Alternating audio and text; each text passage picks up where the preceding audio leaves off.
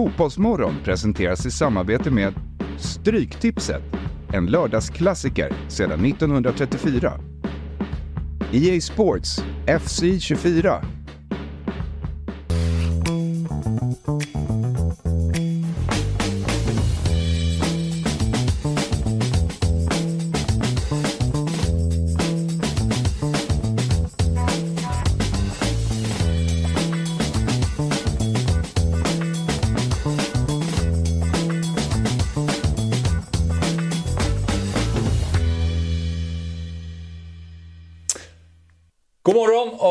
varmt välkomna till Fotbollsmorgon lördag. Det är ju ingen klubblagsfotboll som spelas i helgen så att då blir det lite mer landslagsfokus här i studion.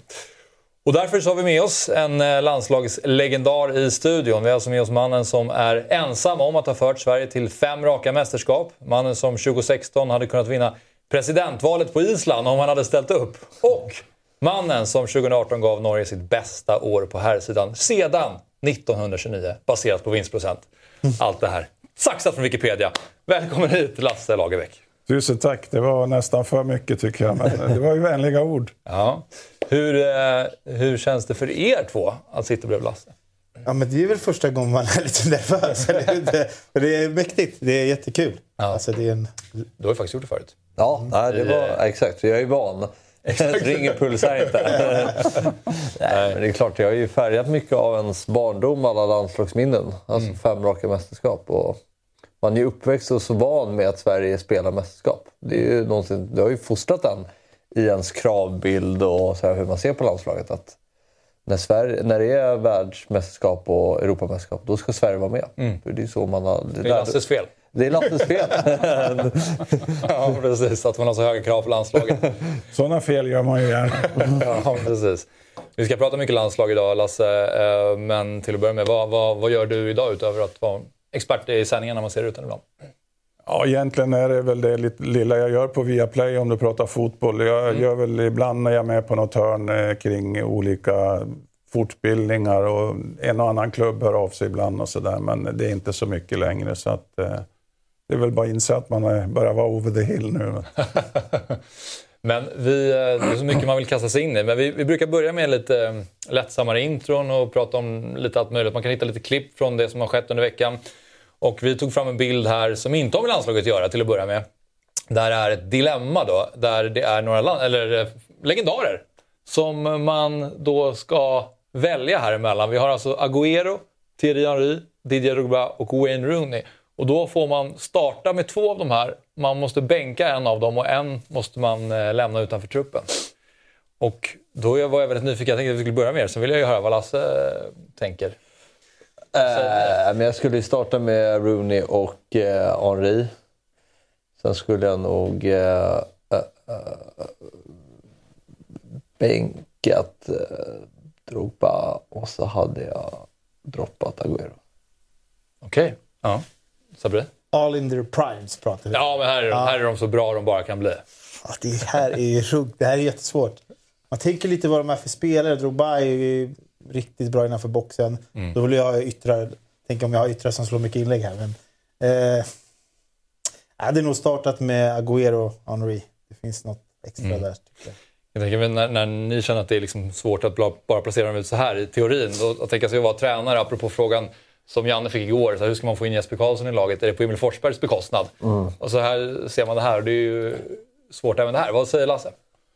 Nej, men det är ju fyra offensiva spelare. För mig är det ganska lätt utifrån hur jag har upplevt dem som spelare. Och det är, Henry är nummer ett och Drogba är nummer två för mig direkt. Va? Och då ligger det ju lite bakom eftersom du har tagit ut fyra, man får kalla dem forwards, även om Rooney kunde spela lite mera tillbakadragen. Att, eh, det två forwardsparet skulle lukta guld tycker jag.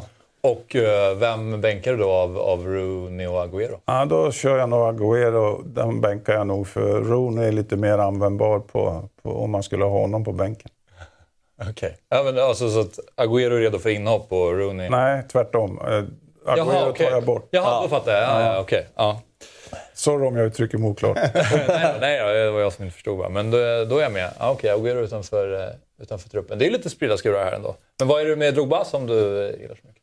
Nej, men jag, om du också ser det, jag tänker ofta så, va, att eh, jag tycker liksom parvis spelare, du kan ta en ytterback och en yttermittfältare, men det är ju två spelare som skulle komplettera varandra som två offensiva spelare i ett lag.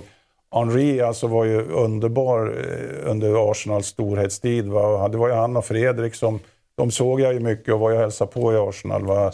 Djupledsspelare. Så hade du en, en, kanske tycker jag, en underskattad spelare i Bergkamp då, som hade en fantastisk spelförståelse och var med i speluppbyggnad. Men mm. de två skulle komplettera varandra bra. Drogba var ju framförallt stor och stark, men det var ju en bra fotbollsspelare och som du sa, en, en boxspelare. Va?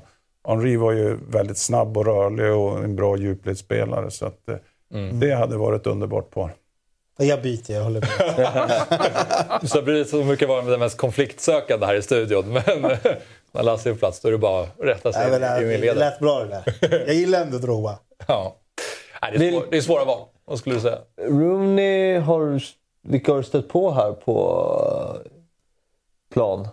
Uh, Rooney vill VM 06 Ja, Rooney har stött på. Uh, Drogba spelade vi en träningslandskamp med Sverige en gång i, i Frankrike av alla orter, långt mm. tillbaka. Agüero har jag nog inte mött tror jag. Uh, Henri i Frankrike. När la han av? Det kan vara, han har ju sin, det är väl VM 10 där som är hans sista. Ja, han tar den med handen där. Det var väl playoff. Jo, men du, vi mötte faktiskt Frankrike i en träningsmatch i Paris. Så måste han ju ha varit med. Mm. Det, det, alltså minnet, vet du, men träningsmatcher kommer jag inte ihåg så mycket av. Alltså Backe hade honom väl i New York där mellan 2010 och 2014? Jo, Backe snackar ju mycket om hans fotbollsintelligens. men Rooney lyckades ni isolera, minns man ju. Det var ju VM-krönikan 2006 blev Rooney uh, utbytt och kastade skon. Jaha, det kommer inte ihåg. Han blev utbytt när vi mötte dem i Island också. Okej, ja, just det. Ja, ja. Såklart. Rulli flera gånger. Då förstår jag att han inte är med i startelvan Not good enough. Ja, precis. Nej, han var en bra spelare. Mm. Men du, eh, Lasse, av, eh, av allt som du har upplevt i din karriär som, som fotbollstränare, vad, vilket minne vad håller du högst? Väldigt svårt att ranka alltså, om du vill jag ska plocka ut någonting. Om du tar en totalupplevelse, hur, hur fascinerande och mycket tur jag haft. Så Islandsresan var ju någonting speciellt med ett så litet land och om du tar hela liksom paketet, inte bara det själva fotbollsmässiga, men att, att liksom få det gänget då först då kvalificera oss till playoff till VM och, och sedan kvalificera oss till EM plus Englandsmatchen, för det var ju så extremt stort. Engelsk fotboll är om möjligt ännu större på Island än vad den är här. Okay. Så hela den upplevelsen var ju helt otrolig. Så mm. att, men jag har haft många upplevelser. Första matchen, Tom och jag fick tävlingsmatchen mot England på Råsunda. Det hade ju varit väldigt mycket kritik på att vi fick jobbet och, och eh, det var ju många som tyckte att det var två lallare som kom där. Och eh, vi hade ju gjort eh, vi, vi gjorde ju inga mål på de första... Vi fick ju fyra första träningsmatcherna. Hade vi inte gjort mål. Vi spelade med sist, näst sista träningsmatchen var det 0-0 mot Frankrike på Råsunda. Sen vann vi några sådana här friendlies som VM-lag skulle åka och spela 98. Vi slog Danmark och jag tror vi spelade oavgjort mot Italien. Men det var ett jävla liv där på våra prestationer då. Mm. Och så gör Schirer 1-0 eh, efter 2-3 minuter på Råsunda och så vinner vi med 2-1 den upplevelsen på ett fullsatt Råsunda då, och den ja. situationen vi var i och, och vinna var ju någonting alldeles extra. Ja, ja. ja det kan jag verkligen förstå. Det, det minns jag inte. Men jag tänkte det på... finns många, jag kan fortsätta om ja, du vill. Nej, det får du gärna göra. Jag ja, tänkte... Det finns en till som också är fantastisk okay, och, och, det var Turkiet borta när vi vände 0-1 till 2-1. Mm. Och med två matcher kvar är vi kvalificerade till ja, första VM vi var med och kvalade till. Så det var också stort. Ja. Nej, jag skrev ner det bara liksom Islandsresan och det är väl, det har pratats mycket om den, men just det faktum att, att landet aldrig hade deltagit i ett mästerskap någonsin tidigare. Ni slår Holland hemma och borta i kvalet. Bara det att Island lyckas göra det, bara där känns det som att så här, då har du säkrat din status på Island för, för evigt. Ni tar er till EM, ni kryssar mot Portugal och Ungern, slår Österrike, tar er bara vidare från gruppen. Det är också så här, det finns inte, slår England i nästa match. Och sen så blir det uttåg mot eh, Frankrike. Då. Det, mm, jag läste någonstans att tre fjärdedelar av hela landet Island följde hela mästerskapet. Att det var galet. Ja, de påstår att 95 procent såg den matchen mot England. Okay. Ja, de det är ganska mycket. Det var bara de som var tvingade att jobba av säkerhetsskäl som jobbade ja. då. Vad, vad, vad, hur, hur stor är uppståndelsen om du besöker Reykjavik? Det som är bra med Island är att de är väldigt laid back. Så att eh, man, blir ju, man blir ju igenkänd och folk kommer fram med en del och morsar och sånt där. Eller så där. Men det, det är väldigt... Det, mycket större stjärnor än jag. De, de, eh, när jag var där så de, det spelades ju in en hel del Hollywoodfilmer på Island tack vare den natur de har. Och det visade sig sen att, att eh, många av, av filmskådespelarna då åkte tillbaka alltså som privatpersoner för att där kunde de röra sig helt fritt utan säkerheten och sånt där. Mm. Men överhuvudtaget, de, de, de, på det sättet, de är otroligt laid back. Alltså. Du vet, det börjar säkert förändras och det säger de ju nu. Jag har ju varit tillbaka flera gånger. Men när jag var där, liksom president och ministrar alltså, reste själva och utan säkerhet. Okay. Och du kunde åka ända fram till presidentens dörr va, i presidenthuset och, och knacka på. Nu har de visst satt en bom har de sagt där för. Okay. Så att de är otroligt laid back alltså. Ja, ja. Bara lite positiv igenkänning och morsar och säger att nu får du komma tillbaka när de har förlorat någon match. men, men, man minns ju det här Islands eh, resan 2016. Så här, som svensk, alltså, jag kanske bara pratar för mig själv, men det öppnade ju verkligen ögonen för Island när de slog liksom England. Där man kände ju som svensk att det var vi som vann på något sätt. Och man stod och körde du vet, den här i skolan. Och, och, liksom så här, jag vet inte, man, och det är ju tack vare att, förmodligen att du var där. Hade det varit en annan tränare eller, eller, eller coach mm. kanske man hade känt annorlunda. Men Alltså kände inte ni samma att man verkligen Ja, det var verkligen så. Jag, jag jobbade eh, på en liksom, kiosk på Gotland eh, vid Tofta eh, strand. Där liksom, vid afterbeachen så stod hela... alla bara så här ur vulkanen.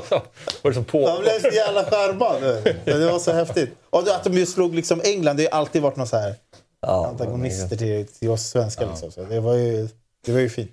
Men... Eh, Lasse, vi ska ju prata mycket om landslaget idag och kanske också, eller en hel del också om framtiden, inte bara det som har skett tidigare. Då. Men innan vi gör det så vill jag själv bara eh, prata lite om det, din sista tid i landslaget.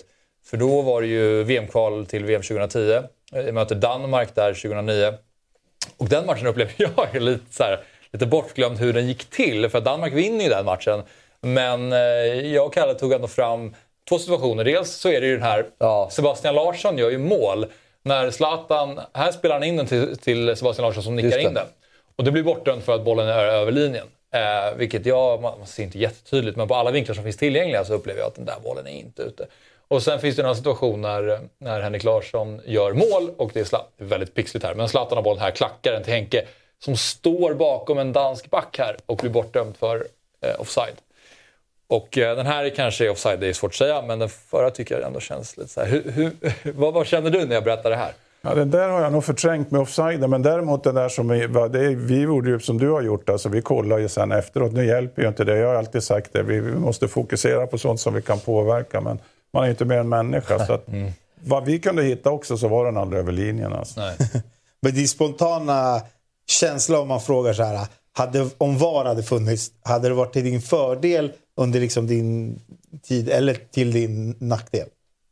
Ja, det är en jättebra fråga. Jag, jag kommer inte ihåg så där jättemånga väldigt kontroversiella domslut som, eh, som har gjort att vi har torskat eller vunnit. Nej.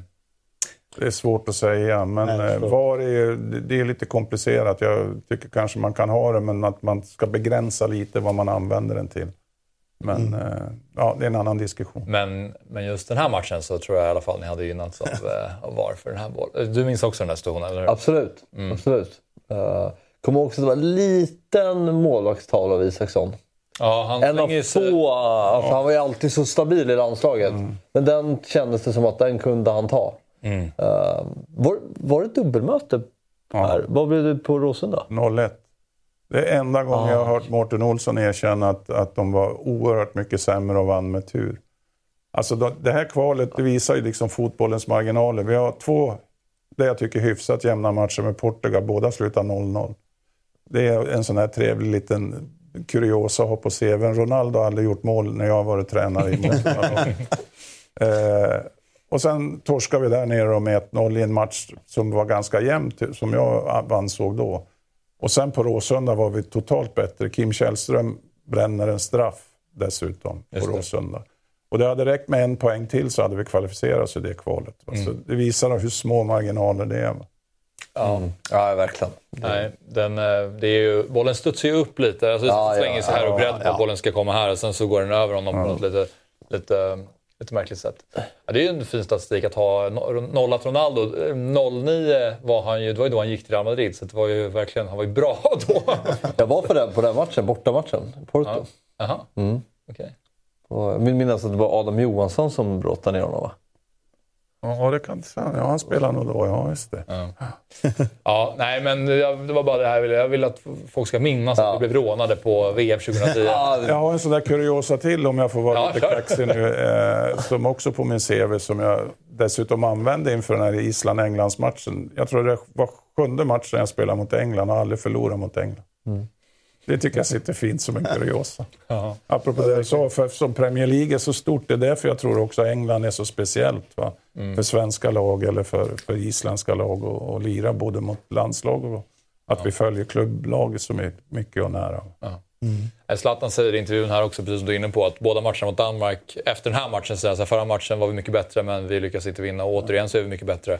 Men vi har domaren emot oss den här gången och vi lyckas inte vinna den här gången heller. That's, Ja. that's football. Ja, men precis. Så är det. Ehm, vi har också bett dig, Fabbe, att göra en sak. Jag tänkte vi ska kasta upp här. Det är under Ja. dina år som förbundskapten så eh, har du haft många olika spelare att eh, välja mellan. Och då har vi ba- uh, bett Fabbe här då, som är eh, också fotbollstränare, än så länge inte riktigt på samma nivå, att ta ut sin favoritelva av de spelare du hade att tillgå i landslaget under dina år.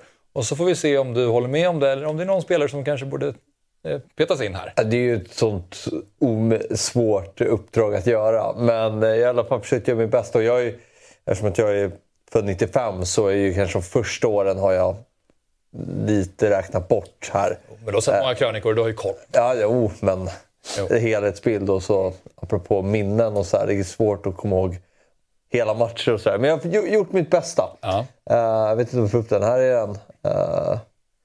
Eh, Då har vi Andreas Isaksson i mål, eh, Olof Mellberg och Petter Hansson i mittlåset. Då. Erik Edman, Micke Nilsson. På mittfältet Chippen, Lindroth, Källström, Ljungberg och så Zlatan och Henke på topp. Då. Vad, vilka dilemman hade du här? Ja, men såklart Källström Anders är ju jättesvårt. såklart. Dilemma tror jag. Och, och där är väl eh, som djurgårdare så är det väl hjärtat som Ja. vägde över. Eh, mittbackspositionen bredvid Mellberg. Jättesvårt. Eh, också. Eh, Vilka, Höger. vilka, vilka, vilka motbud hade du där? Då? ja, men Lucic. Mm. Eh, Framförallt Teddy kanske. ja, så Jakobsson såklart också. Mm. Eh, och sen är högerytter Niklas Alexandersson. Anders Andersson. Alexandersson kanske ska in där.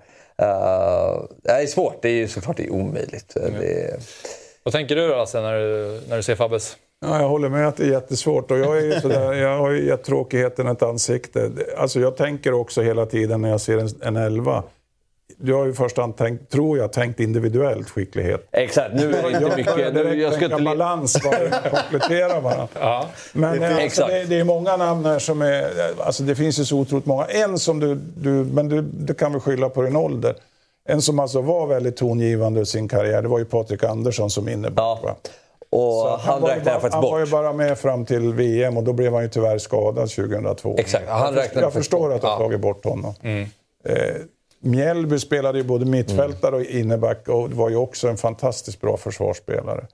Eh, Chippen var ju också en sån här fascinerande spelare för han, han var ju lite grann one way traffic. Men där var han extremt duktig va? och där fick man ju liksom tänka lite då och balansera upp honom hur man tog ut laget. Så där fanns det ju underspelare. Men många av de här för mig känns ju, jag menar Zlatan och Henke, Ljungberg. Eh, Tobias Lindroth tycker jag är ett fantastiskt bra val för det var ju en sån där spelare som gjorde laget bra. Va? Han, han var så extremt lojal och samtidigt duktig båda vägar. Va? Edman, underbar människa och spelare också. Där har du ju också möjligheter med, med Teddy. Men som fotbollsspelare, han hade en vänsterfot, så skulle jag nog plocka honom som vänsterback också.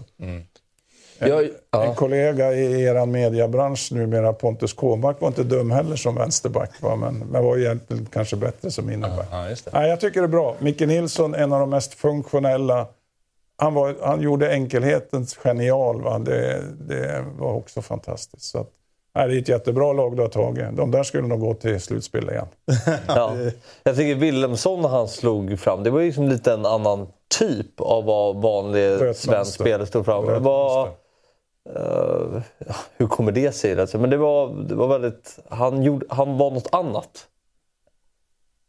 Nej, men du hittar väl en del den typen av spelare. Det var väl kanske Fredrik också. Va? Han, han var ju också en spelare med individuell skicklighet som bröt mönster, så pass på olika sätt. Mm. Men Chippens stora styrka var ju att han var snabb, han var bra att dribbla eh, och han hade en bra passningsteknik. Va? Så att, eh, nästan så han, han föll ju lite i slutet på min tid för att han han liksom nästan överdrev. Liksom. Han skulle dribbla en gång till även om det var jättebra läge. Jag vet vi snackade ibland med som Henke som var väldigt klok. Var att, att om, om man liksom såg nu är chippen på väg, det är perfekt läge jag tar en löpning, här måste det komma ett inlägg. För då, alltså, det händer ju inte jämt, men som ett exempel. Ja. Så han, han, ville gärna göra en extra grej hela tiden. Va? Men det var ju en del av hans storhet. Han, han bröt ju verkligen mönster och var, var en av de bästa jag har haft i, i svenska laget mm. igen mot den situationen. Mm. Men eh, Lasse, bredvid Lindroth i den här drömelvan då, vem sätter du där? Kim eller Anders? Ja, det är också en smaksak. De har ju lite olika kvaliteter men samtidigt eh, på mig. Jag, jag tror nästan att jag skulle säga Kim trots allt, va? om du ser till mm. hela hans karriär. Och, och, eh, han, hade ju, han hade ju en fysik som kanske är den lilla, lilla som, som talar till hans fördel framför Anders. Anders var ju lite snabbare än honom, så ja, det är ett jävla svårt val. Ursäkta svordomen. Ja. ja, jag förstår det. Um, och det är väl någonting som har pratats mycket om, men bara, bara kort så här, hur den diskussionen, framförallt kring VM 2006, det, ju, det var ju en väldigt stor del av hela mästerskapet upplever jag. Och, och även under den tiden längre. Liksom, hur upplevde du det som förbundskapten att ha de två som hela tiden ställdes mot varandra i Ja, frånsett den situationen som uppstod då så tyckte inte jag det var jobbigt. Ja, men du hade ju konkurrenssituation ganska tuff på vissa positioner. Så det var ju bara att den blev så medial uppmärksammad. Ja. Och som den liksom sen gjorde, var ju Aftonbladet som drog igång en, en ganska otrevlig kampanj. De tryckte upp knappar mm. och allt möjligt sånt där. Jag gick på i skolan. Du gick på? Ja, det var ju det. Okay. Och så vet du, i samband med, med, efter första matchen då, så hade vi bestämt att vi skulle ha en öppen träning för att vi skulle ställa upp lite för fansen och skulle få se en träning. Och då kom de ju med tröjor mm. där Anders namn var överstruket och Källströms var inskrivet. Och så buade de på träningen så fort vi fick ju liksom plocka bort Anders ur träningen. Och, och Sen hamnar ju vi i dilemmat att hantera liksom den mentala situationen som uppstod. Flera av spelarna var till tvärtokiga. De ville ju att vi skulle bojkotta media och framförallt Aftonbladet. Så då fick du den problematiken. Och det tog ju Anders väldigt hårt. Va? Och, mm. och rätt eller fel, så det var ju Kim som fick starta sen. För att det här blev ju ett sånt störmoment på många sätt och vis. Ja. Och det, det, det är en av de liksom beslut jag inte har en aning om om vi gjorde rätt eller fel. Eh, om man skulle ha visat Anders mer respekt att han skulle ha fått fortsatt starta nästa match eller inte. Men han blev ju så pass störd av det där och, och illa berörd så vi gjorde det valet. Liksom. Då var det väldigt elitistiskt att om det fanns en millimeter gambling att sätta in Anders då och, och eftersom det var så mycket fans nere, då hade börjat buat eller något sånt där. Va? Så, Ja, det var mycket sånt. Så det tog mycket tid och energi i gruppen. att Just reaktionen från spelargruppen gentemot... Då åkte ju hela media med, inte bara Aftonbladet. Mm. Och liksom, befolkningen också.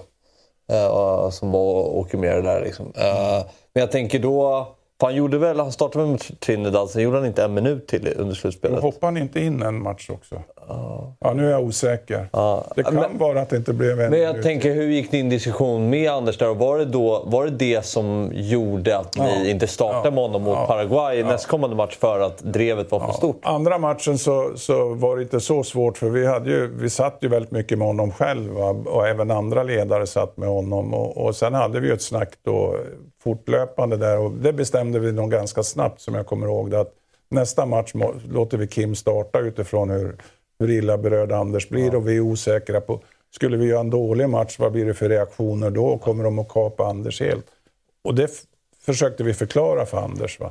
Och han tyckte ju att han mådde bra och ville spela som jag kommer ihåg det. Men, men, eh, så det vill ju alla. Va? Men så hur mycket han köpte det eller inte. Och, ja. och sen rullade det på och gick ganska bra. Och då Men, ja, han kanske fan inte... Ja, han måste kolla upp det. Så- jag kommer inte ihåg om han inte Ja, ens fick en minut till. Kanske Så, men så, man, så bänkningen i andra matchen var nästan lite att ha honom i skydd, eller? Ja, Ja. kan man säga. Ja, både och. Jag ska inte låta så stor. Nej, men... Men alltså det var ju dels för, på ett sätt skydda honom, men det viktigaste var ju att vi var inte säkra på hur det skulle påverka laget. Nej. Och om det, om, eh, ja, till exempel om vi hade då 15-20 000 svenskar där nere, om de skulle börja bua och sånt här. Va? Så att det var ju lite sånt vi började fundera kring. Att, att, Ja. Men det var också, indirekt var det ju på att skydda honom, men vi trodde att det var bäst för laget att göra. Jo, alltså vilken enorm press för Anders Svenssons Ja, del. ja, Att, att man, man, man tränar och så står det folk runt träningsanläggningen med ens namn överstruket och ingen Men, vill eh, se det i spel. Alltså att gå ut då. Och, Det var helt obegripligt alltså, vi hur som- Aftonbladet kunde göra ja, Vi som har så här ganska mycket unga tittare som kanske inte knappt var födda här. Då. Alltså, för dem har det blivit lite vardagsmat det här eftersom sociala medier har blivit en grej. Liksom att man, man driver mot spelare där. Utan gör någon någon dålig match då tar man upp mobilen och skriver typ Harry Maguire, jättebra exempel. Så det här hände här. Det, det, det var egentligen när man ser tillbaks på det en jäkligt sjuk grej. Och speciellt för att vara Sverige. Att liksom man gick ut och tryck, alltså, mobbade en spelare på det sättet. Och det är så här... Fan, alltså jag bara känner när man tänker tillbaks på det så här, som du, du, du, jag gick också med den här grejen till skolan. Det var så sjukt hur påverkad man blir. Nu kan man ju ta ett eget beslut när man, i, i, i telefonen. Men alltså, jävligt sjuk grej vi ändå gick igenom där. Och speciellt för Anders då. Så här, som, ja, ja, verkligen. men när man var 11 år tänkte man ju mer att man var team Källström. Ja, ja, det, var ju exakt. inte, det var inte, man förstod ju inte mer än så. Ja, men det, det, jag menar, elitidrott handlar ju väldigt mycket också om det här att klara all påverkan och tryck utifrån. Och som du är inne Ja. på, jag har ju liksom vägrat sociala medier sen det kom. Jag insåg ju det direkt, där ska inte man vara om man, om man är tränare. Men alltså, då fanns ju inte det. Men alltså, den energin som gick åt de där dagarna då efter det där hade hänt va? och hur negativt det förstärktes Ja. relationen mot media. Va? Några menar ju på att jag ställer inte upp. Alltså, vi har ju vissa förpliktelser enligt regelverket att ställa upp.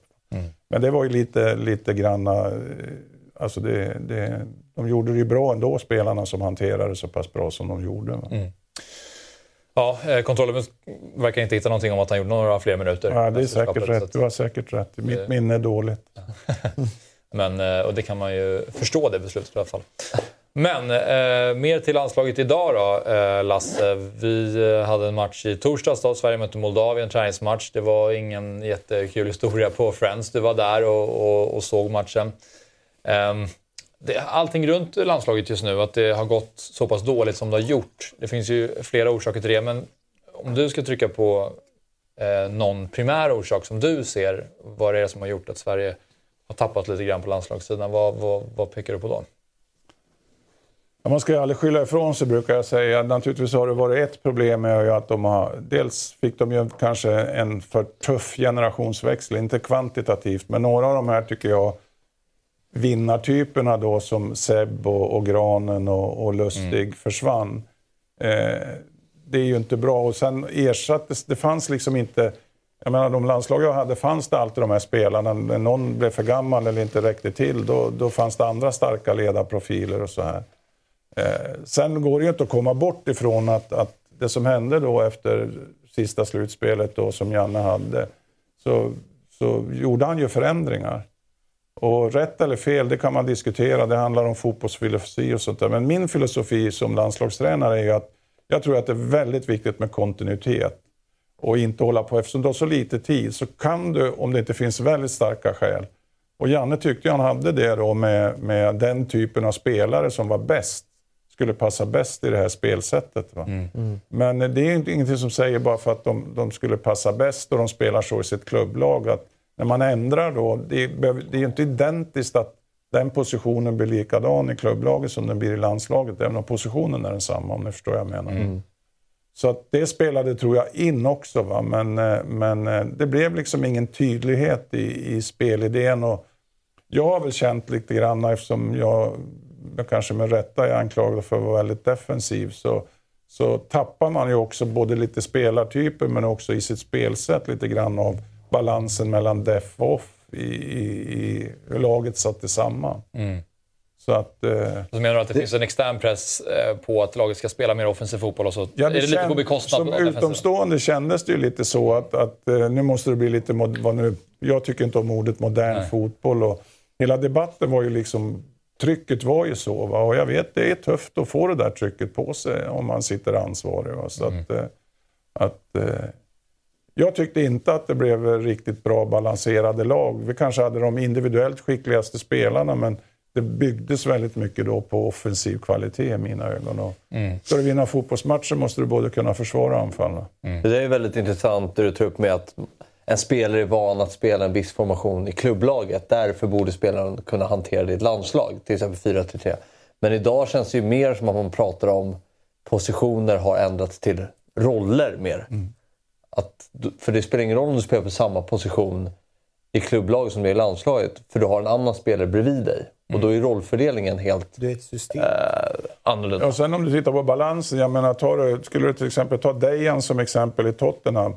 Det, ja. det är ju en annan typ av spelare, både med kvalitet och kanske skicklighetsnivå, som han spelar tillsammans med. Och då blir hans roll annorlunda än vad som kanske behövs då i ett landslag där mittfältet ser annorlunda ut med andra egenskaper än vad han har i Tottenham. Mm. Så, precis, det är en väldigt klok synpunkt du har. Det märks att du tränar. Att bara för att du har samma position ja, behöver det inte betyda samma roll i laget. Va? Men du, du, var inne på det med generationsväxlingen. Tror du att de här uh, nya spelarna vi har, att det är mer att man fostrar mer individualister än, än, än att de har liksom, de saknar de här ledaregenskaperna. Liksom. Att det kan vara mycket så här, lite mer jaget före laget och mycket kring det. Liksom. För att det var ju ändå, alltså när, för mig, även om, när du säger Lustig, Granen, Seb, det är fortfarande, de har väldigt mycket kvaliteter som fotbollsspelare, men det första man tänker på är så här, ledare, vinnare. Det är de orden som kommer upp i mitt huvud. Det är inte så här, när jag tänker på Forsberg, Isak, Kulusevski, då kommer det upp så här, återknick, eh, speed, eh, individualist, skicklighet. Och det är så här, tror att det, det, tror det är där det skaver liksom mest. Att det, det, alltså från ena samlingen till den andra så var det ett helt annat landslag på något sätt. Mentalt. Ja, jag tror definitivt du är inne på rätt spår. Jag, menar, det, det, det, jag tror man är lite mer individuell idag än vad man tidigare. Men, men det handlar ju både om, om du går tillbaka till talangutveckling, men det går också tillbaka till vad väljer du för typ av spelare. Eh, det här med vad, vad, det är otroligt viktigt att ha de här informella ledarna ute på plan. Både taktiskt eftersom du har så lite möjlighet att kommunicera under matcherna. Men också det här om vi pratar vinnarattityd, det är ett abstrakt ord. Du kan i det lägga in lite grann också det här med fysik. Jag upplever ju att, att landslaget har blivit... Det finns väldigt mycket bra teknik och passningsspel.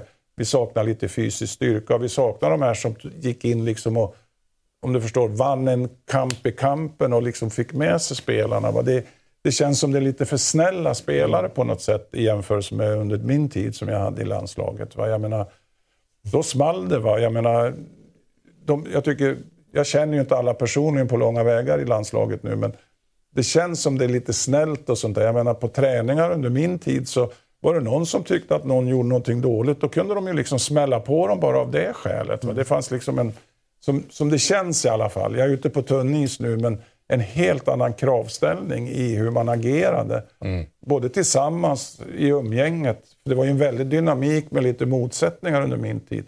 Nu är alla så nöjda och glada. Om jag tolkar intervjuer med spelare och några spelare känner jag lite grann. Det, det känns ju inte som det finns en fnurra på tråden. Och så har det gått skitdåligt mm. i snart två säsonger. Det, det, stämmer på något sätt inte för mig. Då, då är det inte riktigt dynamik i gruppen på något sätt heller, bara spelarna. Och, sen det, här, och det här som ja. du är inne på tror jag också beror just på att i hela talangutvecklingen nu har det ju svängt mot att man prioriterar ju väldigt mycket teknik, passningsspel, bollinnehav. Fotboll är ju så mycket mer. Ja. Du har bollen i 45-60 sekunder i en match. Va? Spelet är, det var som Torbjörn Nilsson, det var överraskande, han var u kapten den spelare han var. Han kallar ju fotboll för en löpidrott och det ligger ju mycket i det. Va? Men, men tror du då att kanske Janne då, som är lite alltså, den, mer av den gamla skolan. Tror du att alltså, man, man, man måste typ kunna anpassa sig efter den här nya talangutvecklingen och hur spelarna är? Att man måste typ kanske försöka anpassa sig mer efter dem? Eller även om man är liksom så här, jag går på min linje, jag går på min filosofi. För du pratar ju om att man måste liksom vara eh, man måste gå på sin linje hela vägen och inte förändra sig. Men kanske måste man kanske inte förändra sig lite personlighetsmässigt om man inte har de här ledarna om man inte har de här som, som de fysiska spelarna, man måste möta dem på annat sätt än att alltså så här, få dem att förstå eh, mycket enklare vad man vill åt. För, det känns, för mig känns det som att det är där det kanske har krockat.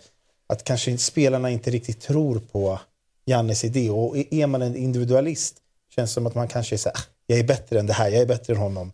Jag behöver inte lyssna på honom. Att det är, för mig känns det som att det har skärt sig där lite för att jag tycker att vårt landslag är bra. Sen är det så här, Janne får ju så otroligt mycket skit men vi pratar ju aldrig kanske om spelare idag och deras inställning. Som jag tycker Nå, nå, någonting jag tycker är den största, stora skillnaden eh, förut är ju det Lustig och Seb Larsson och Granqvist som hade. De var ju världsmästare på att förstå vartåt en match barkade. Känner de att de är lite under try- tryck, ja men då hämtar Lustig den där handduken och blir ett inkast och putsar bollen lite, tar lite extra tid. Man ligger en sekund extra, man är bra på att ta en frispark. Tittar man nu Österrike-matchen, vi har precis släppt in ett mål. Dejan Kulusevski dribblar in i mitten, tappar bollen. Och jag vet, det är en unik situation. Det, det är kanske är fel att ta ett exempel. Men det blir bakgrundsmål nummer två. Hyfsat representativt är det väl? Ja, men, eh, men alltså att de var experter på att veta vad matchen är just nu. Eh, Där menar jag, tror du Kulusevski hade gjort så i Spurs? jag vet Ja, det är så men det skulle jag kunna tänka mig ändå. Alltså, en ligamatch är också så här, det är inte alltid... Vet, Balanskamper är så extremt få, så varje match är så viktig. Där finns det väl någon... Jag kan väl säga att lägsta nivån var extremt hög hos de här spelarna. De visste hur man skulle hantera olika typer av matchbilder. Vad säger du Lasse? Jo, jag tror ni är inne på, på bra tankar båda två. Eh, får jag bara säga det här med Kulusevski och tappa boll. Det, det tror jag inte liksom kanske... Ja, det ligger ju i och för sig i hans personlighet att han vill dribbla. Men det är en sån här intuitiv situation som alltid kan uppstå. Ja, det- det var ett dåligt en boll exempel. för att missbedöma någonting. Ja. Skitsamma, det, det tror jag inte är avgörande. Men, men eh, jag vill inte liksom värdera Janne, för nu har jag inte varit med innanför kulisserna på det sättet. Men för mig, om jag får liksom vara lite tränartråkig, så, så liksom när du tar ut ett lag. Jag, jag brukar kalla mig realistisk optimist. Och, och du måste liksom värdesätta var finns du själv på näringskedjan för att du ska kunna ta poäng mot bra lag eller slå bra lag och du ska också kunna göra det. Och, och då måste du liksom värdera de, in, de kvaliteter du har. Jag brukar säga att du kan aldrig slå ett bra lag på samma premisser som de är. Och det som hände tycker jag med svenska landslaget och de spelartyper de tog ut. Det var ju det att vi, vi spelade på samma villkor som, vi, som bra motståndare gjorde. Där de kanske hade högre individuell kvalitet. Kanske också var bättre organiserade som lag. Va? Och det är den värderingen du hela tiden måste göra. Vilka spelartyper väljer du för att balansera totalen av ditt lag för att ha bästa möjliga chans att slå ett bra lag? va? Och det, och det, det, pendeln slog väl över då, precis som du var inne på, att lite mer individualister, det var kanske lite mer väldigt bra spelare. De hade offensiva roller i sina lag. Vi tappar lite de här liksom, som du hade tagit ut här. Men jag tar Tobbe Linderoth till exempel. Han, han städar ju liksom defensivt i backlinjen. Totalt spelförståelse. Inte stor men stentuff fysik. Kunde springa hur mycket som helst. Va? Så att, det har ju försvunnit lite spelartyper som jag tror. Och Det beror delvis också på, på hur talangutvecklingen har varit i Sverige. Men det beror också på hur vi har valt spelare som har trappat uppåt i hierarkin.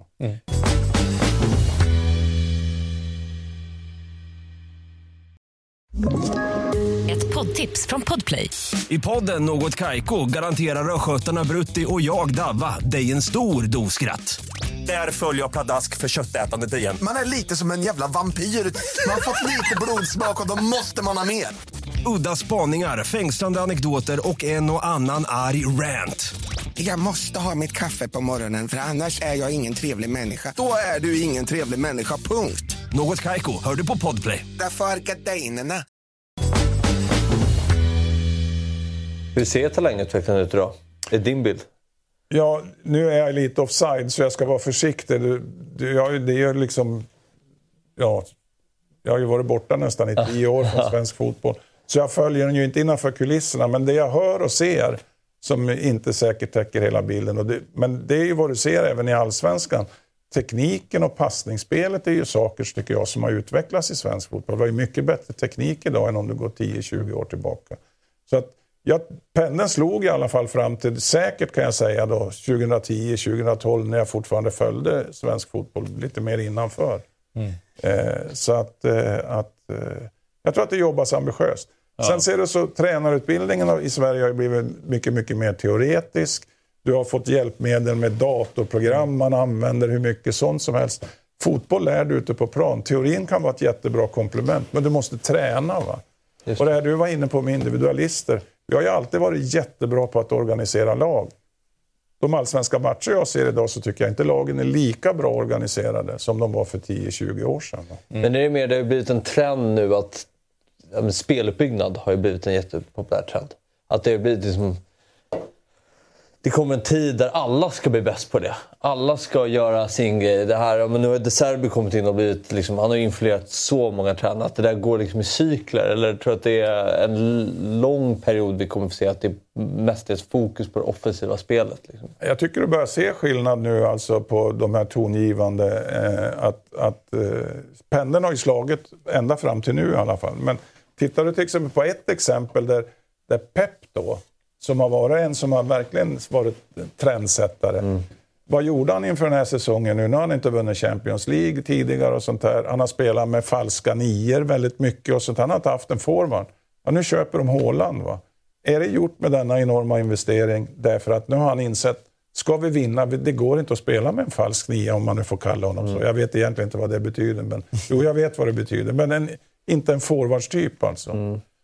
Och där tror jag han, han har insett det så smart som han är. Att, att det, det, det, håller inte med den spelstilen, men jag måste ändå ha en riktig forward, en riktig mm. målgörare. Mm. Och det tror jag har ett första steg. Och det kan man se på, på lite andra lag. att Det kommer ju fram tränare och, och lag och även en del tränare som varit med länge. Där possession och den uppbyggnaden inte är riktigt lika, lika prioriterad som den har varit. Jag tycker du kan börja se exempel på det. Mm. Tycker du att många ja, äh, tappar grunder i försvarsspelet när du tittar definitivt, på fotboll? Definitivt. Och vad är det då framförallt du ser då som lag? Ja, det är ju att lagen är sämre organiserade. Ja.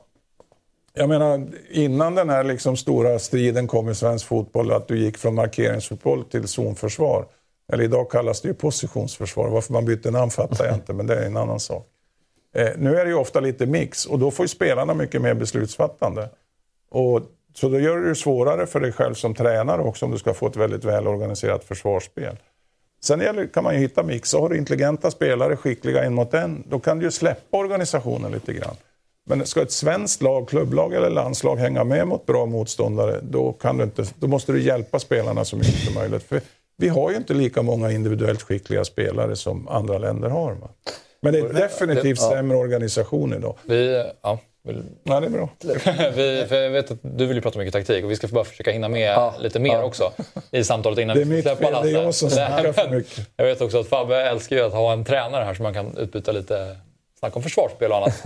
Men jag vill också fråga, eftersom att eh, Janne nu inte kommer vara kvar efter det här kvalet, förutsatt att de inte tar sig till eh, EM då, men det känns ju väldigt eh, osannolikt så eh, ska det tillsättas en ny tränare och eh, Reinfeldt han är ny i rollen som ordförande. Vi har Andrea Möllerberg som är ny i rollen som generalsekreterare och sen så har vi Jens T. Andersson då, som kommer lämna sin roll som landslagets chef. Så det, är, det är lite spretigt just nu inom förbundet känns som. Och hur tror du att liksom, rekryteringen ser ut just nu inför att eh, tillsätta? Och vem är det som är ansvarig för, för vem som ska träna Sverige? Ja, jag har ingen aning. För att jag känner ju vare sig Reinfeldt eller nya generalsekreteraren. Så att, eh, hur det kommer att gå till. Och de har ju liksom ingen person jag känner på kansliet som, som vad jag förstår kan kliva in och ta ett huvudansvar mm. som det var tidigare. Till exempel då, att Lasse Rist var ju väldigt eh, både duktig men också då var en som hade ett huvudansvar i framarbetandet av kandidater om man så säger, det formella beslutet. Sen har ju både under tidigare år, ända sedan jag fick insyn på ja, kring 90, så har ju både ordföranden och generalsekreteraren varit relativt aktiva i den processen. Okay. Men sen har det ju intervjuats folk och sånt där också. Men jag har faktiskt inte en susning hur de kommer att gå tillväga nu. Nej. Vilka människor som kommer att hålla i liksom, rekryteringsarbetet. Vem ska värdera och sånt där. Vem ska sätta upp det jag försökte snacka om på Viaplay lite igår. Att för mig är jag, jag vill ju att svensk fotboll ska gå bra. Jag vill att landslaget ska gå bra. Vem sätter upp kravprofilen? Och hur får du reda på det? Jag menar, det är ju många tränare nu, eftersom jag har varit borta från svensk fotboll så länge, som inte jag känner. Va? Och Det är så otroligt viktigt att ledarskapsbiten är så, för mig i alla fall, med min erfarenhet, så, den är så extremt viktig eh, i ett landslag. Därför att när du jobbar på det här sättet, du får ett extremt fokus det är hela landet som är intresserade, va? mer eller mindre, i alla fall de som är fotbollsintresserade. Mm. Så, och, och det, du måste känna personer. Jag har ju varit med och rekryterat folk till olika jobb och sånt här. Och bara sitta, till exempel där ni jobbar med media. Jag har varit med och rekryterat mediachef då till A-landslaget under min tid och sitta i en två timmars intervju. Man lär inte känna en person. Nej. Nu är inte det samma sak som att vara tränare, men det handlar så mycket om fotbollskunskaper, det handlar om internationella referenser och det handlar om ledarskap. Va? Så att jag har inte en aning vem som kommer att, att dra upp den kravprofilen och sen ta reda på om personen som nu blir aktuell verkligen uppfyller Vad tycker, att man bör, vad tycker du att man bör prioritera då, i jakten på, eller sökandet på en ny tränare? Ja, alltså, fotbollskompetens är ju grunden. Va? Jag brukar tycka det att du verkligen har så mycket kunskaper och kan göra en realistisk analys. Var står Sverige? Och också sätta det i relation till, ha den internationella referensen. Liksom, hur bra är vi i förhållande till andra lag? Därför att om du inte går in med det, då, då tror jag att det är svårt att nå resultat. Det låter ju tråkigt, men du måste ju anpassa det lite. Vi har snackat mycket om spelarval och spelarpositioner. Så den bakgrunden och kompetensen måste du ha. Den kan man ju också skaffa genom att förstärka en tränarstab med en, med en ledartyp som är väldigt bra och sånt här. Va?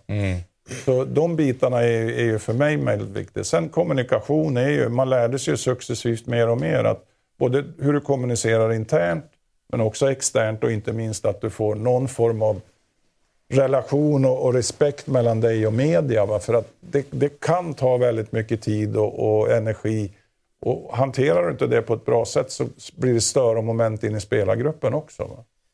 Så att det är väldigt mycket kring, kring olika bitar som du, du måste ta, ta hänsyn till. Sen tycker jag också att man ska, ska titta på, alltså hade jag varit den som anställdes, ha lite krav på eh, hur mycket folk ska du ha i din ledargrupp? Jag har inga, ingen förståelse att du behöver förstärka ledargruppen om de går till slutspel när du kan vara tillsammans 5-6 veckor. Men det här liksom att bara vara 20-22 personer och så har du så lite tid. Flera spelare sa ju det till mig när vi pratade ibland man skulle förstärka med någonting. Va? På, det kunde vara liksom, det var ju mycket snack ett tag om mental, mentala och att man skulle ta in och sånt. Men många av de här, framförallt äldre spelare, äh, sluta med det liksom. Därför att det, det är ni som är tränare, det är ni som är boss. Det är vad ni säger som är viktigt, vad, vad ni gör som är viktigt. Och jag tror att blandar man in för mycket folk som man gör i, i väldigt många landslag och klubblag, annat är klubblag i och för sig där man jobbar dagligdags, så tror jag att, att det blir ingen tydlighet riktigt heller. Det är en risk för det i alla fall. Så jag har ju alltid hävdat också att, att, att försöka hitta folk som, som sätter kvalitet före kvantitet. Jag upplever att många, jag säger inte att det är i landslaget här i Sverige idag, men att, att många tränare idag har med sig så mycket folk för att de ska avlasta sig själv lite grann. Ja, just det. Mm. Tror jag, Du ville säga något där? Nej men alltså i den här rekryteringsprocessen kan jag känna så här att fotbollskunskap absolut det är ju A och O. Men jag har, jag, alltså jag kanske använder starka ord nu men jag, jag upplever ju lite av en kulturkrock. Alltså jag tycker att ordet kultur ska finnas med när man ska rekrytera en ny eh, förbundskapten och, och, eh, alltså, och en stab. För att precis som hela vårt land så har kulturen förändrats genom alla år. Och jag tycker att det speglar av sig så mycket på det sportsliga och de unga spelare som kommer upp. De har en annan kultur, de har en annan mentalitet, de har en annan inställning till livet, de har en helt annan syn på respekt. Eh, och det märker, bland, det märker man liksom när man går och kollar 13-14-åringar som spelar fotboll nu. Det, det är en, en helt annan inställning till livet, det är en helt annan inställning till synen på respekt. Alltså, du vet, jag säger inte att jag är någon som så här, men jag är uppfostrad. Är han äldre, då visar du respekt. Typ. Och jag säger inte att de som spelar vårt landslag nu inte är det, men jag kan uppleva ändå en lit, att jag, Speciellt när det går dåligt. Du tycker att det är mycket snorungar i, Nej, men inte bara det. Nej, men alltså, Janne, är ju, alltså, Janne är ju en respekterad äldre man och så kommer någon lite yngre som kanske tror att han är Zlatan fast han inte riktigt är Zlatan än. Och liksom så här, det, det, det blir en liten kulturkrock enligt mig. Och när det går dåligt så blir det mycket mer synligt. Och det ser man också på hela svenska folket. Hur man ställer sig liksom här eller där. Och så finns det ingenting. Det finns ju ingenting mittemellan. Man ska antingen hata eller älska. Så Vad tänker du om med det här till, kring en tränare då? Alltså någon som kan hantera Ja, men alltså, nästkommande generation? Fotbollskunskapen jag har, vi kan ju inte sätta dit en pedagog. Alltså det är inget dagis vi ska bedriva. Men vi ser ju hur landslaget är. Vi ser vilka spelare som kommer upp. Vi ser ju liksom U21. Det är ganska lika mentaliteter och, och spelare som vi redan har liksom i de stjärnorna vi har nu. Så det måste vara någon som förstår lite den nya kulturen men ändå som har sin filosofi och kommer hålla sig till den. Alltså, man måste kunna göra sig, du, du sa någonting, man måste kunna göra sig förstådd. Eh, och det är så stor skillnad på hur man pratar med folk. Kommunikation använder du det ordet gillar jag jättemycket. För att, eh, det du lär, om du ska lära en 60-åring eller en 15-åring som kommer upp, du måste kommunicera på olika sätt. Och nu jobbar vi inte med 16-åringar, vi jobbar ju med de här som kommer upp här. Så jag tror att... Vilket... Eh, eller, Ja, det blir, jag, jag har inget namn. Jag kan inte säga han. Eh, men, eh, Jag vill höra om Lasse har något namn eller någon person som du, eller några kanske, som du ser som lämpliga kandidater att ta över efter Janne. Nej, jag har för lite kunskap idag om, de, de, om du tänker, om du tar för, till att börja med svenska tränare. Alltså, så det, det är ju väldigt få jag, jag... För det första har jag inte jobbat med dem. Jag, det är få jag känner väldigt väl personligen och hur de jobbar. Så att, eh, skulle jag sitta med i den här rekryteringsprocessen då skulle nog jag börja med väldigt mycket djupintervjuer med människor som jag känner och litar på som jag tror kan bedöma det här du är ute för att det du pratar om det är vad jag kallar ledarskap. Du måste kunna till exempel individualisera. Så det, det är väldigt, väldigt svårt. Sen finns det ju en del som jag känner väldigt väl. En som har nämnts är ju Per-Mattias Högmo som jag känner väldigt väl. Och eh, ju, har ju många bra egenskaper. Sen eh, Alltså det, det är så fruktansvärt svårt och, och jag tror inte jag ska ge mig in så mycket på namn heller och, och lämplighet för att eh, jag, jag känner inte tillräckligt många som kan vara aktuella för att liksom börja lyfta fram ett namn. Nu tror jag inte vad jag tycker har någon betydelse men, men, eh, Men, man måste, man måste alltså det, här, det är farligt det här också och jag förstår ju att, att man medialt vill göra så, det slängs fram en massa namn. Men det är ingen som funderar på alla de här sakerna vi sitter och pratar om nu. Uppfyller den här personen de kvaliteterna? ja, precis. Det jag också tycker de ska titta på är att man ska icke underskatta alltså, den övriga ledarstaben. Om du nu vill ha en eller två assisterande, jag tycker att det räcker med en. Eller att man, om man hittar två som fungerar ihop, som Tommy och jag jobbade då med ett delat ledarskap. Så man ska inte bara stirra sig blind här på förbundskaptenen och sen låta honom få carte blanche och bygga upp eh, trupp eller ledargruppen. Men, men du har ju... Jag tror att det är många som är nyfikna på vad du tycker med tanke på dels din, eh, din meritlista givetvis, men också att du har ju varit eh, rådgivare till Janne också i, i landslaget. Om det skulle vara så att de kommer och, och frågar om du skulle vilja vara rådgivare till nästa förbundskapten också, hur hade du ställt dig till det? Ja, dels beror det väl kanske lite på vem det är och vad den personen har för fotbollsfilosofi. Inte så att jag disrespekterar om det skulle vara någonting som jag är tveksam till, men, men eh, alltså, det beror på hur mycket tid jag ska lägga ner då. Jag måste ju också inse att jag inte är purung, men, men jag, jag skulle ju gärna ställa upp liksom, ja, beroende på hur mycket tid och vad de vill jag ska göra. Och, och liksom att, att kan jag assistera och hjälpa svensk fotboll så naturligtvis ska jag göra det och, och berätta hur jag jobbade, om det är det det handlar om. Eller vad jag tycker om olika saker. Det, det ska ju bara vara roligt. Men om han inte gillar organiserad fotboll, då tackar du nej. Ja, jag, det, det ska jag göra liksom av, av respekt mot den. Om jag tror att det är en, en tränare som är totalt annorlunda i synen på fotboll och hur man ska jobba med ett fotbollslag än jag, då, då ska jag visa den personen respekt. För då finns det ingen anledning att vara med. Mm. Vad tycker du de största skillnaderna sen du slutade träna, eller ditt senaste tränaruppdrag, i fotbollen generellt? Alltså, fotbollen den utvecklas ju väldigt snabbt hela tiden. Alltså det, det som har hänt under många år, nu är det inte så många år sedan jag slutade Norge, det var ju 20, 2019 ut som jag jobbade där, eller 20 kanske det var, jag kommer inte ihåg. Skitsamma. Eh, det är det vi var inne på tidigare, att, att eh, förutom att spelarna blir skickligare, ja, ja, det tycker jag nu att det börjar att fina, vara en trend igen tillbaka lite grann till inte bara liksom ett väldigt betoning av, av possession-fotboll och väldigt mycket passningsspel. Mm. Och som jag nämnde tidigare så tycker jag Pep igen går i bräschen som trendsättare. Va? Och de, de spelar ju lite mer direkt nu och de har valt en ny forwardstyp. Så det är väl det. Annars så tror jag inte det finns någon speciell trend. Va? Utan det, det är ju det att, att spelarna blir bättre och bättre och bättre tränade. Det finns en negativ trend och det är också att spel, de spelar ju för mycket matcher idag. Va? Det, det är någonting, och det har ju, pengarna har ju blivit alldeles för betydelsefulla det är för sjukt mycket pengar i fotbollen. Så att det är lite rovdrift på spelarna idag. Va? Och det är väl därför nu de gör om också, gissar jag, det säger de ju inte på Fifa, att de drar ner antalet lag i, i varje grupp nu i VM-kvalet och sånt där. Va? Så att de ska väl dra ner på matcherna på, och så verkar det som det, det klubbarna börjar få mer och mer gehör för sina tävlingar. Fifa vill istället dra igång klubbtävlingar och sånt där. va? Så det är mycket som händer runt Ja. omkring som styrs av pengar som kan vara negativt för fotbollsutvecklingen tror jag. Kommer det här leda till att eh, landslagets status, alltså landslagsfotbollen generellt, kommer Ja. sänkas? Ja. För att det är så mycket matcher och statusen på landslaget kommer inte stå lika högt. Jämför när jag började vet du, så antalet samlingar, då hade man ju utrymme för träningsmatcher. Va? Varför det har blivit träningsmatcher nu? Det är för att de har dragit ner på, på, på antalet lag i grupperna och de har fått femlagsgrupper. Så ett lag är tvingat att stå över. Va? Nu kom det in en träningsmatch. De tog ju bort träningsmatcher där från slutet på 90-talet och en bit in på 2000-talet. Då hade man till exempel en ett landslagssamling i augusti som alltid var för friendlies. Va? Så då kunde man ju liksom lotsa in nya spelare och titta på dem i den miljön också. Och kanske ett annat skyltfönster för spelarna också på den tiden. Så jag tror att det ligger mer faror utanför fotbollsplan idag med alla pengar och hur man liksom kommer att, att göra. Och den här inblandningen. Och du ser att, eh, liksom du pratar om borta i Asien om att de vill komma in i, i den europeiska Champions League eller bilda en ny Champions League och sånt där. Så att, där tror jag det ligger mycket mer fara för att, eh, om vi tycker om fotbollen som den är idag.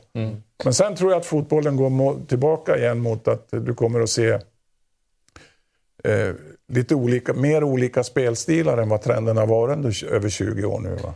Men jag tycker ändå med toppfotbollen idag, det är att de lag som är bäst på att försvara, det är även de lag som är bäst att ha bollen. Att idag finns det ett tydligare samband mellan försvarsspel och anfallsspel. Att Det hänger ihop. Att du jobbar mer med direkt återerövring. Du vill ha många spelare nära bollen för att du kan vinna tillbaka bollen eh, snabbare. Mer än förut, där det kanske var mer ett motsatsförhållande mellan anfallsspel och Ja, försvarsspel. Ja. Jag sk- jag skulle vilja sätta er ihop er i en podd och prata fotboll. Det är roligt att höra er eh, när ni pratar lite mer eh, taktik. Sådär. Men jag vill också fråga dig bara, Lasse. Eh, Jannes resa som förbundskapten. Nu de, den senaste månaden, den senaste tiden så har ju han varit mer och mer grinig. Han har fått mycket kritik för det. Eh, och senast den här samlingen så har han ju varit eh, ja, men väldigt grinig får man säga. Du hade ju en, en, eh, liknande sits där när ni förlorade där mot Danmark. Missar eh, mästerskapet som kommer och har fortfarande några matcher kvar som förbundskapten. Ni var ju lite ifrågasatta redan innan efter EM 2008 där när man eh, åkte ut eh, i, när mästerskapet var i, i Schweiz och Österrike. Ehm, vad, liksom, vad ser du, hur, hur minns du det? Hur mycket press är det utifrån? Apropå att Janne har haft lite svårare att hantera det mediala senaste det känns. Nej, men det är klart du har en press hela tiden. Va? Jag menar, du har ju en anspänning och, och inte minst just det som kanske ligger utanför själva fotbollsjobbet kring hela den mediala biten. Och den har ju säkert förstärkts väldigt mycket med sociala medier och sådana här saker. Va? Så att, eh, jag är väldigt glad att jag dels har jobbat i ett så tajt team eh, under mina år oavsett vilka, vilka länder jag har varit i. Och dessutom har jag bestämt mig att jag håller bort liksom, sociala medier. Och sen bestämde jag mig, jag tror jag nämnde det för er när vi satt här nu, att, att jag bestämde mig tidigt i min tränarkarriär. Jag var ju mer känslom, man är ju känslomänniska, känslor har man ju jättemycket inom sig. Men jag, jag attackerade en domare när jag hade börjat min tränarkarriär och då bestämde jag mig om jag ställer krav på spelarna att vi ska inte låta saker som vi inte kan påverka, får inte påverka oss. Då bestämde jag att jag måste kontrollera mina känslor om jag ska fortsätta och satsa på att vara tränare. Och det har vi lyckats ganska bra med. Och sen är jag väl i grunden en ganska trygg person så att jag, jag bryr mig inte så mycket om vad, om det inte är folk som är viktiga för mig tycker och tänker. Och, Ja, men för du har ju varit Jannes rådgivare. Nu när han har haft den där tuffare perioden, då, har, du, har du rådgivit honom till att kanske försöka Nej, undvika den Nej, pressen? vi, han ville ju att jag skulle vara med då. Vi bes- tidsbestämde det inte, men eh, alltså i, ett initialskede då eftersom han och Peter inte hade så mycket, ja framförallt inte landslagserfarenhet. Så jag var med ett halvår och sen dess så har de skött det här själva och Okej. vi har ju träffats någon gång här och där och snackat lite fotboll och sånt. Men det bl- blir ju uttunnat också. Sen drog ju jag till Norge så att eh, då träffas man ju inte av det skälet. Va? Så eh, det här sista året har vi haft minimal kontakt. Mm, okej. Ja, eh, vad roligt det var att ha dig här Lasse. Ja, tack för det. Det var trevligt att vara här. Är det redan över? Ja, det, jag kan säga att det, har, det har gått en timme. Det är alltid roligt att prata fotboll och få göra det på det här sättet. Så då blir det inte så ytligt. Man får i alla fall tillfälle att prata ut lite mer och Ja. förklara vad man tycker och känner. Det är det jag menar med er podd som ni ska starta. Där kan du prata Vi får länge. göra, vi får göra det. Både jag och Det gäller, snabba, lite... det gäller att snabba på. Jag, det är många som tycker jag är out of date också av, av Nej. rent filosof, fotbollsfilosofiska skäl. Nej. Nej, nej. Men eh, nej, det var jättetrevligt att vara här. Det var jättekul att ha er här. Eh, vi är eh, strax tillbaka och då har vi Jesper Hoffman här i studion.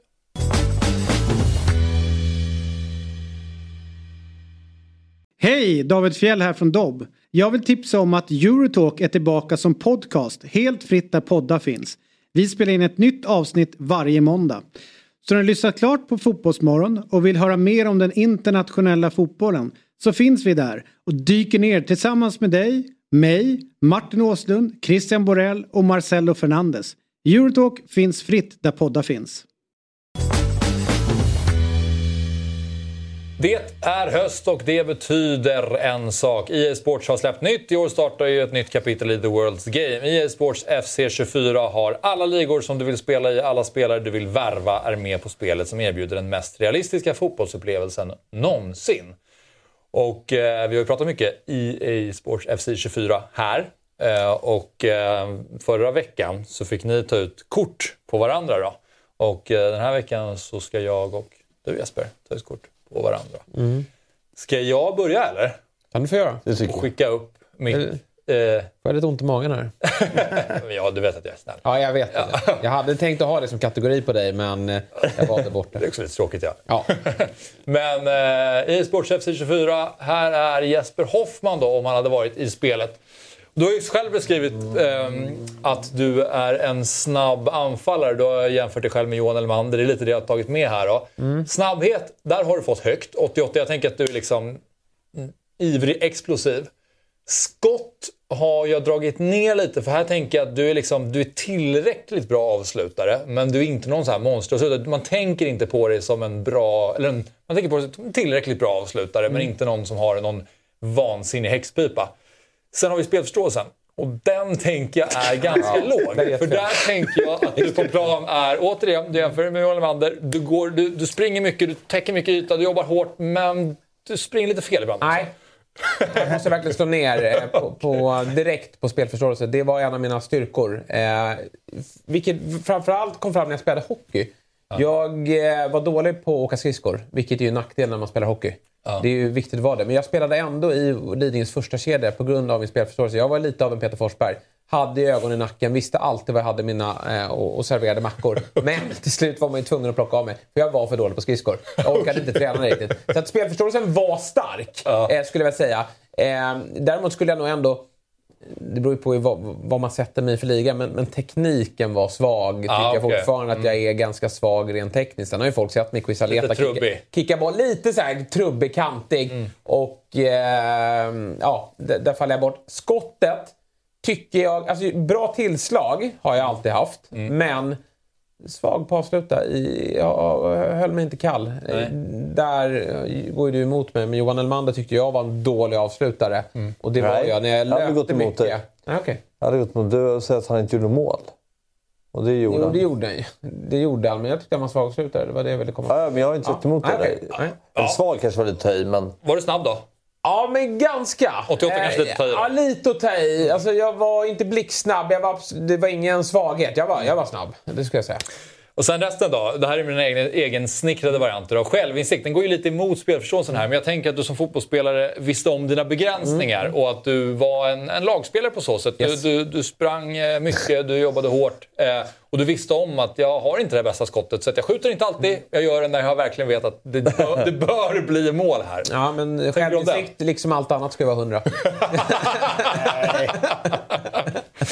Nej, men det har, Det känns- har du helt rätt i. Jag vet vad jag var dålig på. Eh, och som sagt, jag satt ju inte och försökte hålla på och vara teknisk och, och liksom ta mig förbi min gubbe. Utan jag Mm. Exakt. spelade smart. Jag var, där var jag lite av en Henke Larsson. Ja. Klok, klok herre. Självinsikten. Jag är precis. enkel. Men eh, ni ska få kommentera, jag ska bara dra klart den här. Eftertryck. Här tänker jag ju att eh, du utanför plan men också på plan är en person som när du har en åsikt, när du tänker och tycker någonting, då är det en jävla leverans. Och jag tänker att det är likadant på planen. Om du, om du skäller ut en medspelare för du tycker att de har gjort någonting fel, då är det med eftertryck. Eh, om du väljer att avsluta, då gör du det. Sen kanske det inte alltid blir mål. Och när du sitter i den här studion och du tycker och tänker så är det med eftertryck. Ja, tyvärr var jag ganska mjäkig på fotbollsplan. Jag Okej. vågade aldrig ta ton riktigt. Jag var rätt... Eh, eh, ja, men, lite för uppfostrad på en fotbollsplan. Eh, så att jag, jag, absolut, jag, jag står ju för vad jag tycker och tänker ofta i, i studio, omklädningsrum och sådär. Men, men eh, på plan kunde jag nog tagit i ännu mer. Och det var väl kanske att jag inte hade någon stjärnaura så heller. Utan jag var en hårt arbetande gubbe där på topp. Så att jag kunde liksom inte ställa de kraven. Mm. Och jag underkastade mig stjärnan i laget. Fast man hade ju alltid någon som var bättre än han. Och, och den, den fick ju föra talan liksom. Sen har vi ju LBHF då och det är inte en bantningsmetod utan Nej. är eh, lillebrors också. Du är själv lillebror, eller? Ja, det är. Ja, eh, och jag vet inte om det har någonting med det här att göra. Du kanske skulle kunna ha gjort bättre då. Men jag ser ju era relation här Mm. lite grann som storebror och lillebror. Tvärtom och, va? Och jag tänker att det är ofta roligt att, att, att se er, men just hanteringen här. Alltså, jag tror att han, Fabbe har ju lätt att ta sig in under skinnet på det. Och Ja, men sen gillar jag att göra en grej av att han kommer in i skinnet. Han gör ju inte riktigt det. Men jag eh, känner väl någonstans att det får ju inte heller gå överstyr. Ibland tycker ju folk att jag är för hård. Men jag vet ju att Fabbe... Men det är ju bara för att du vet att jag är nummer ett också. Nej, nej. Jag vet ju att Fabbe inte tar illa vid. För det, det- och det vet ju alla som sitter här. Att jag, jag, jag har ju samlat ihop... Ni, ni- ni ser ju vad han gör bakom kulisserna. Det är nästan, Viktor sa ju det, du kan nästan samla ihop till en anmälan fysiskt. Han är ju på mig hela tiden. Han är ju starkare än mig. Det, det ska ju inte en lillebror vara, men det är jag. Och jag han knuffar in mig i ett hörn och tjuvnyper mig. Trots att jag börjat köra hos Peter så har jag inte en chans. Men, Det är där jag tänker att- men studiosammanhang så är jag här är ju lögn. i studiosammanhang är jag ju rappare och, och, och mer aggressiv än Fabbe. Och det får jag ju höra i chatten och det gillar jag inte när, när folk tror då att jag är någon form av mobbare på Fabbe. Utan jag tar ju lite revansch för vad som händer bakom kulisserna. Och jag vet ju att Fabbe kan, eh, vi kan vår jargong. Jag har ju jag har sett ut fällor som han eh, lite hoppar in i. Och sen får han skiten. Och så står jag också så här- där. Det är därför den är låg. Så står jag där och... Ja, jag vet. Det är det. Fabbe, jag vet ju också när Fabbe... Folk irriterar sig på mig när jag gör någon mi- min av när Fabbe har en åsikt. Och jag har ju lärt mig när Fabbe kliver in här med en åsikt bara för att provocera mig. Jag, det är ju bara att jag liksom... Jag bara vänder huvudet emot honom för jag vet att nu vill han att jag ska gå i fällan och det gör jag inte längre. Som Fabbe hade en grej när jag kom in här efter matchen Newcastle-Milan. Då, då skulle Fabbe, då märkte jag på direkt på honom, då skulle jag säga Newcastle-Milan, vilken fantastisk fotbollsmatch från Newcastle. Och jag tänker inte gå i den fällan. Eh, för det var ingen fantastisk match från Newcastle. Jag ser det i hans blick då och jag ser det i studion. De andra har inte lärt sig det. Det var- det var Tittarna 0-0 och lyssnarna har inte lärt sig det. Eh, när, när Fabbe försöker lura mig. Men det är därför jag ibland blir lite dryg då, att jag kollar bort. Men det här blev då 74 enligt Kalle Hultin som gjorde någon sammanslagning här. Då. Eh, här Ja, har det är väl ett, 74 tycker jag är ett bra betyg på mig. Ja. Eh, det tycker jag är alldeles utmärkt. Jag vill inte ha mer, jag vill absolut inte ha mindre.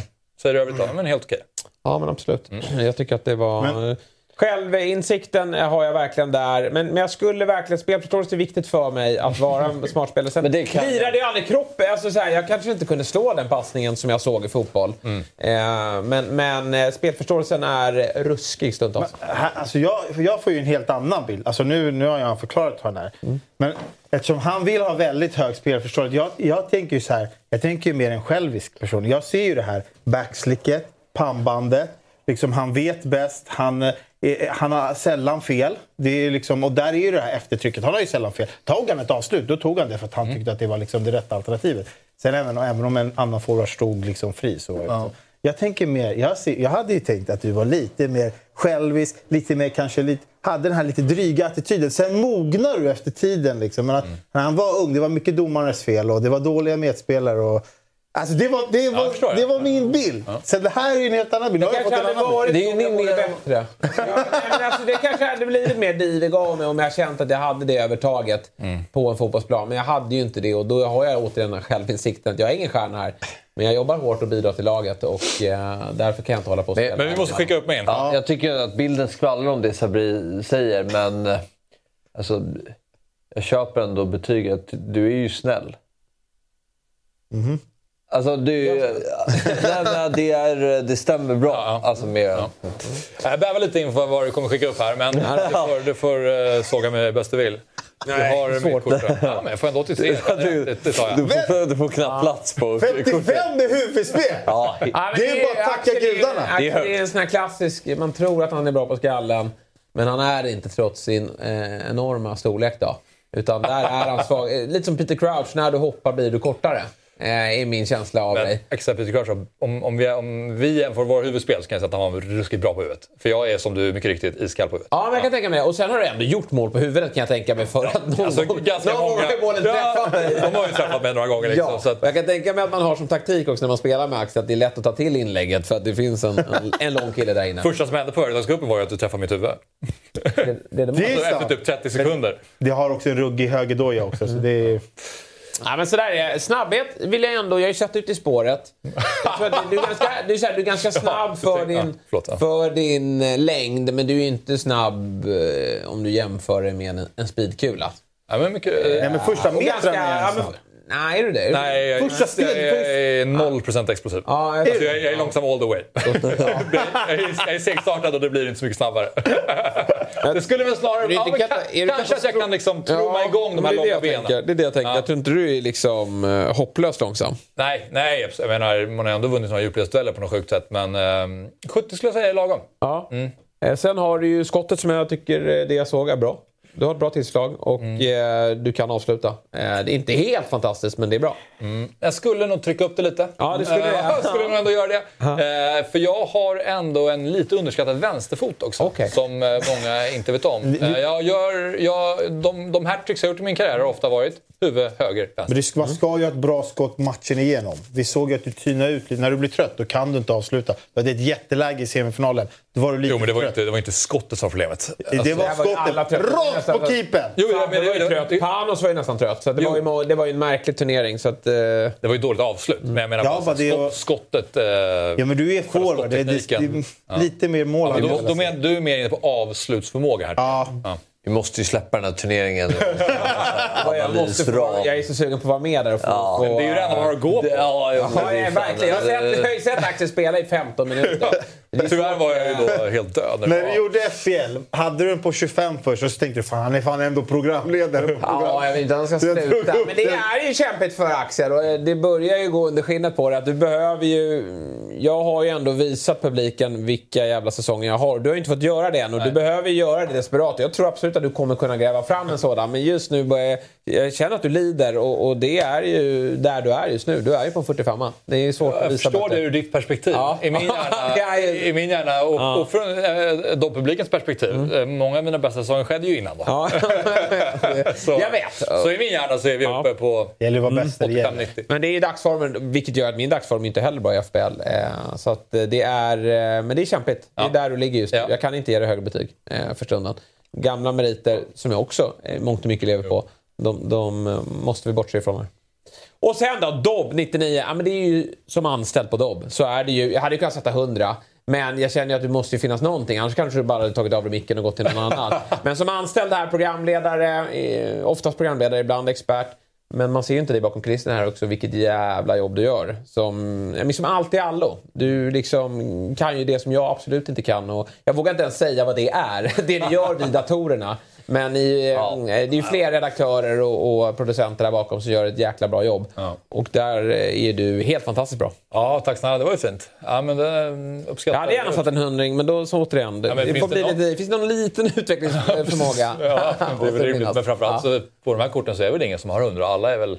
Har man Ja, det kanske är så. Du har- slagit i taket jag, vet, jag vet inte. Det är bara mygga av och gå. Ja, men fint. 83 tar vi med oss overall och eh, det är vi nöjda med. Över 80. Ja, men det ska du ha. Det ska du definitivt ha. Det är väl synd att jag inte fick göra Fabbes, men, men det hade väl, då hade väl, då hade chatten blivit helt galen på. Ja, det hade inte varit bra. Eh, ja, men eh, nu vidare till Stryktipset och vi tar och börjar med att titta på förra veckans kupong. Den eh, såg ut så här då och eh, det var alltså 1652 stycken som hade 13 rätt och en utdelning på 12 106 kronor. Och eh, ja, Sabri, vilken match minns du mest från den här kupongen som gjorde dig frustrerad? Eller var det någon match som gjorde dig frustrerad? United Brentford.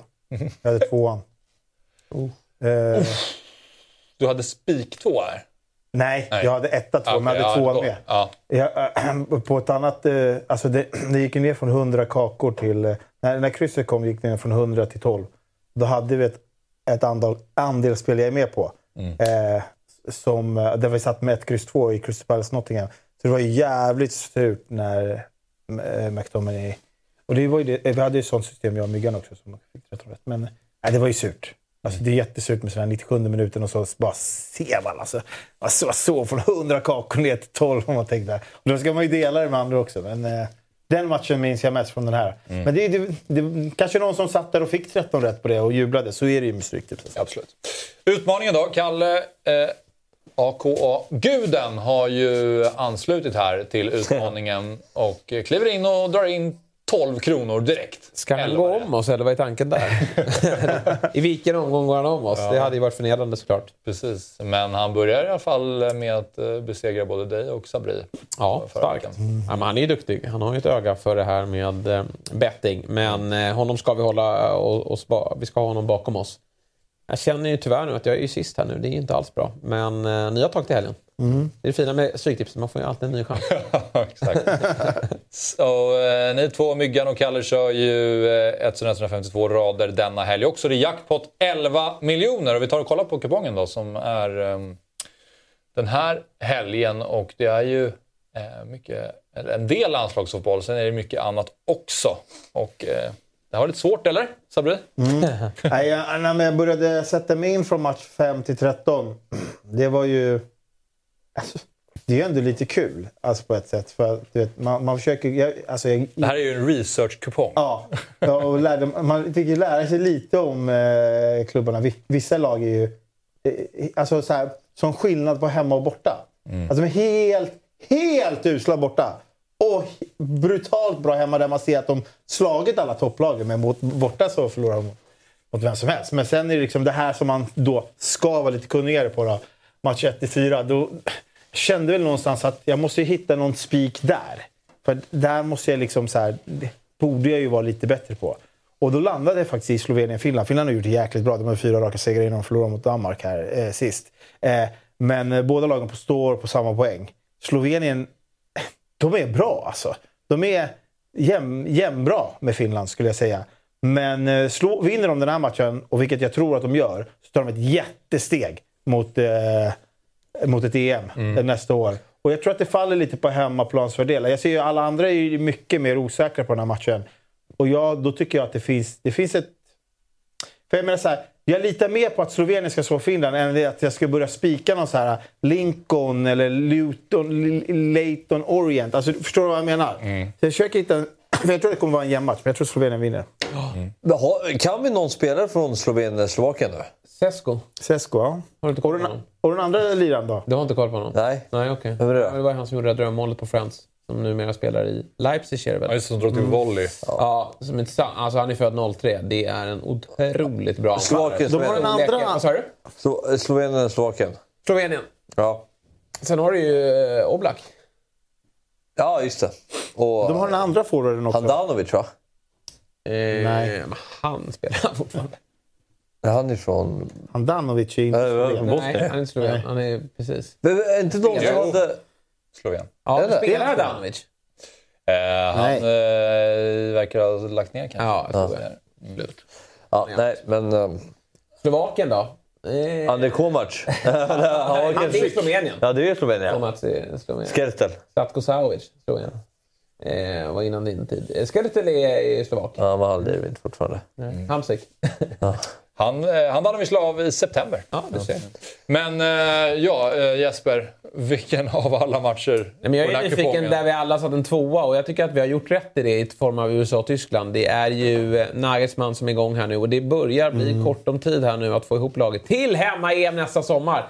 Där Tyskland inte får misslyckas. Och den här, det är en laddning i den här matchen. USA vill ju såklart tvåla dit Tyskland eh, på hemmaplan. Man kan ju tro att den här matchen spelas i Europa, men det gör den inte. Den spelas i USA.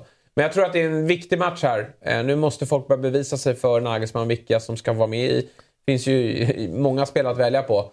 Men det behövs lite resultat här nu. Så att eh, två, spiktvåan här, runt 50 procenten tar vi direkt. Ja. Jag håller med. Ja. Eh, andelsspel det är via dobb.one stryktipset. Spelstopp 1559. Stryktipset är en produkt från Svenska Spel, Sport och Casino AB. Åldersgräns är 18 år och om man har problem med spel då finns stödlinjen.se.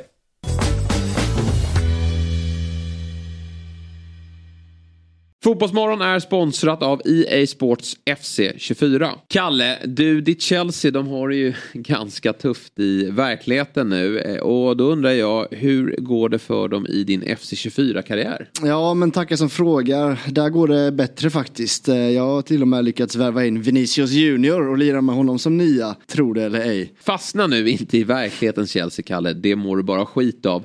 FC24 använder visserligen tre nya banbrytande tekniker för att få spelet att bli det mest realistiska fotbollsspelet någonsin. Men det är fortfarande du, Kalle, som har makten i spelet. Så är det verkligen och just Vinicius Junior ser ju sjukt realistisk ut. Det finns över 1200 unika löpstilar på spelarna i FC24. Så det har gjorts ett gediget arbete. De har analyserat mängder av videoupptagningar från verkliga proffsspelare. De ringde inte direkt till oss eh, och bad om att få filmsnuttar på när vi spelar. Nej, det var väl tur det. Eh, vi får snacka om spelet istället. Där är vi mer betrodda. Ja, och en till riktigt fin sak med EA Sports FC24 är att de har rättigheter till Premier League och Champions League och ungefär 30 ligor därtill. Allsvenskan inkluderat. Det är bra. Vem hade du gett högst ranking i Premier League då, förutom Haaland? Ja du, det måste ju vara någon i Chelsea va? Inte direkt. Nej. De Bruyne är det faktiskt. Och han har ju faktiskt 91 i totalbetyg, precis som Haaland. Ja, det, det ska han verkligen ha också. Ja, det är bara att längta hem hela hösten och hoppas att din FC24-karriär smittar av sig på verkligheten. Det hoppas jag med. Vi säger stort tack till EA Sports FC24 som sponsrar Fotbollsmorgon. Nu ska vi prata svensk fotboll.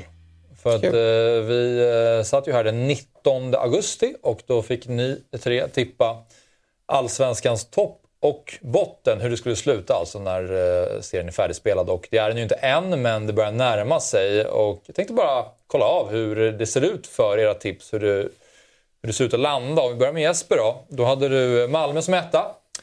Häcken tvåa, Elfsborg trea i toppen och sen så hade du Varberg sist. Eh, Den kan vi väl bekräfta. den, den, den eh, kommer inte ändra sig. Sen har vi Degerfors som eh, förmodligen också kommer fastna där. Sen är det ju kvalplatsen som är mest intressant här och då har du Halmstad. Ja, och det fick man mycket skit för där och då. Många konstaterade att Halmstad redan där hade tillräckligt många poäng. Men jag såg ju att det var en, en dalande trend. Och att man kommer att få det väldigt jobbigt i slutet. Och mycket riktigt, de är inte på kvalplats ännu. Men det kan absolut bli som så att BP går om de här i sista omgångarna och att vi får Halmstad på en kvalplats. De två sista, ja det, det, det antar jag att alla sett i den här studion. Eh, att man har Degerfors Varberg, det var väl supertydligt redan då. Ännu tydligare idag. Toppen går jag bort med då eh, eftersom Häcken inte kommer att eh, komma tvåa utan de kommer med all sannolikhet att sluta tre. Men eh, jag tycker att eh, bottenstriden börjar bli klar. Det står mellan Halmstad och BP om jag ska ta kvalplatsen. Och ska jag, skulle jag få chansen att byta nu så skulle jag väl nog ändå ta BP på en kvalplats för att de har ett väldigt tufft spelschema.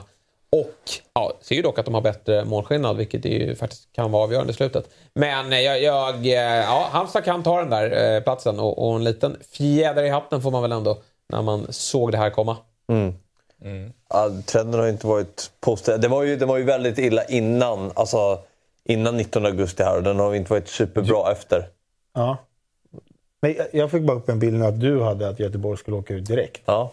Vi kan kolla Fabbes. Det är Eh, det mycket riktigt så att vi har Varberg på 16 plats, Göteborg på 15 plats, Degen Just på kvalplats. Och det är ju sorgligt då att Fabbe hela tiden, vi satt ju och sa här att Göteborg skulle gå, att det ser bättre ut, det kommer bä- trilla in och Ser Fabbe, faran bättre ut. inte över, faran inte över, faran inte över, Göteborg kommer bli indragna. Du har dem till och med åka rakt ur! Ja. Det är ju pinsamt faktiskt när man eh, ska vara allsvensk expert och tro att Göteborg ska komma 15. För vi såg redan Ja, det- då, för en månad sedan, lite drygt, att Göteborg var på uppgång. N- nej. Jo. Nej. Jo. De är, de är alltså... Det här är ju... Det här är ju var om, Innan förlusten mot Sirius var de allsvenskans bästa lag. Sett till de senaste omgångarna. jo, men det här är 19 augusti. Jo, men vi redan då såg att det var... Det här är matchen innan, det här är ju innan Degerfors-matchen. Borta. Det är det. Och då, är ju, då har ju Degerfors leder och ska göra 2-0 i den matchen. Det vänder.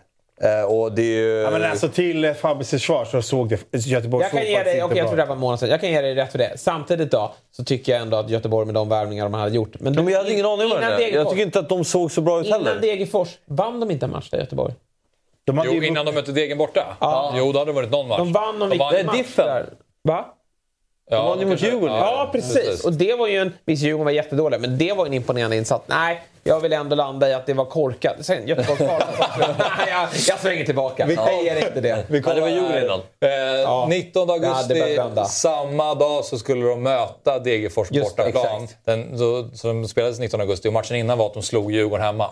Så det var det vi kom in Ja, ja exakt. Och du, du, du, var du, du, du, en bra match. Absolut. att slå Djurgården. Eh, Och sen vann de väl lite turligt mot Jag egen. vill också säga matcherna innan var IFK Göteborg-Kalmar FF 2-0. De vinner där, förlorar borta mot Norrköping med 3-0, blir överkörda. Och sen slår de Djurgården, så de har två segrar på tre senaste in, in till den här. Ja. Kan- ja. Nej, jag vet inte. Jag... Nej, du vet uppenbarligen inte.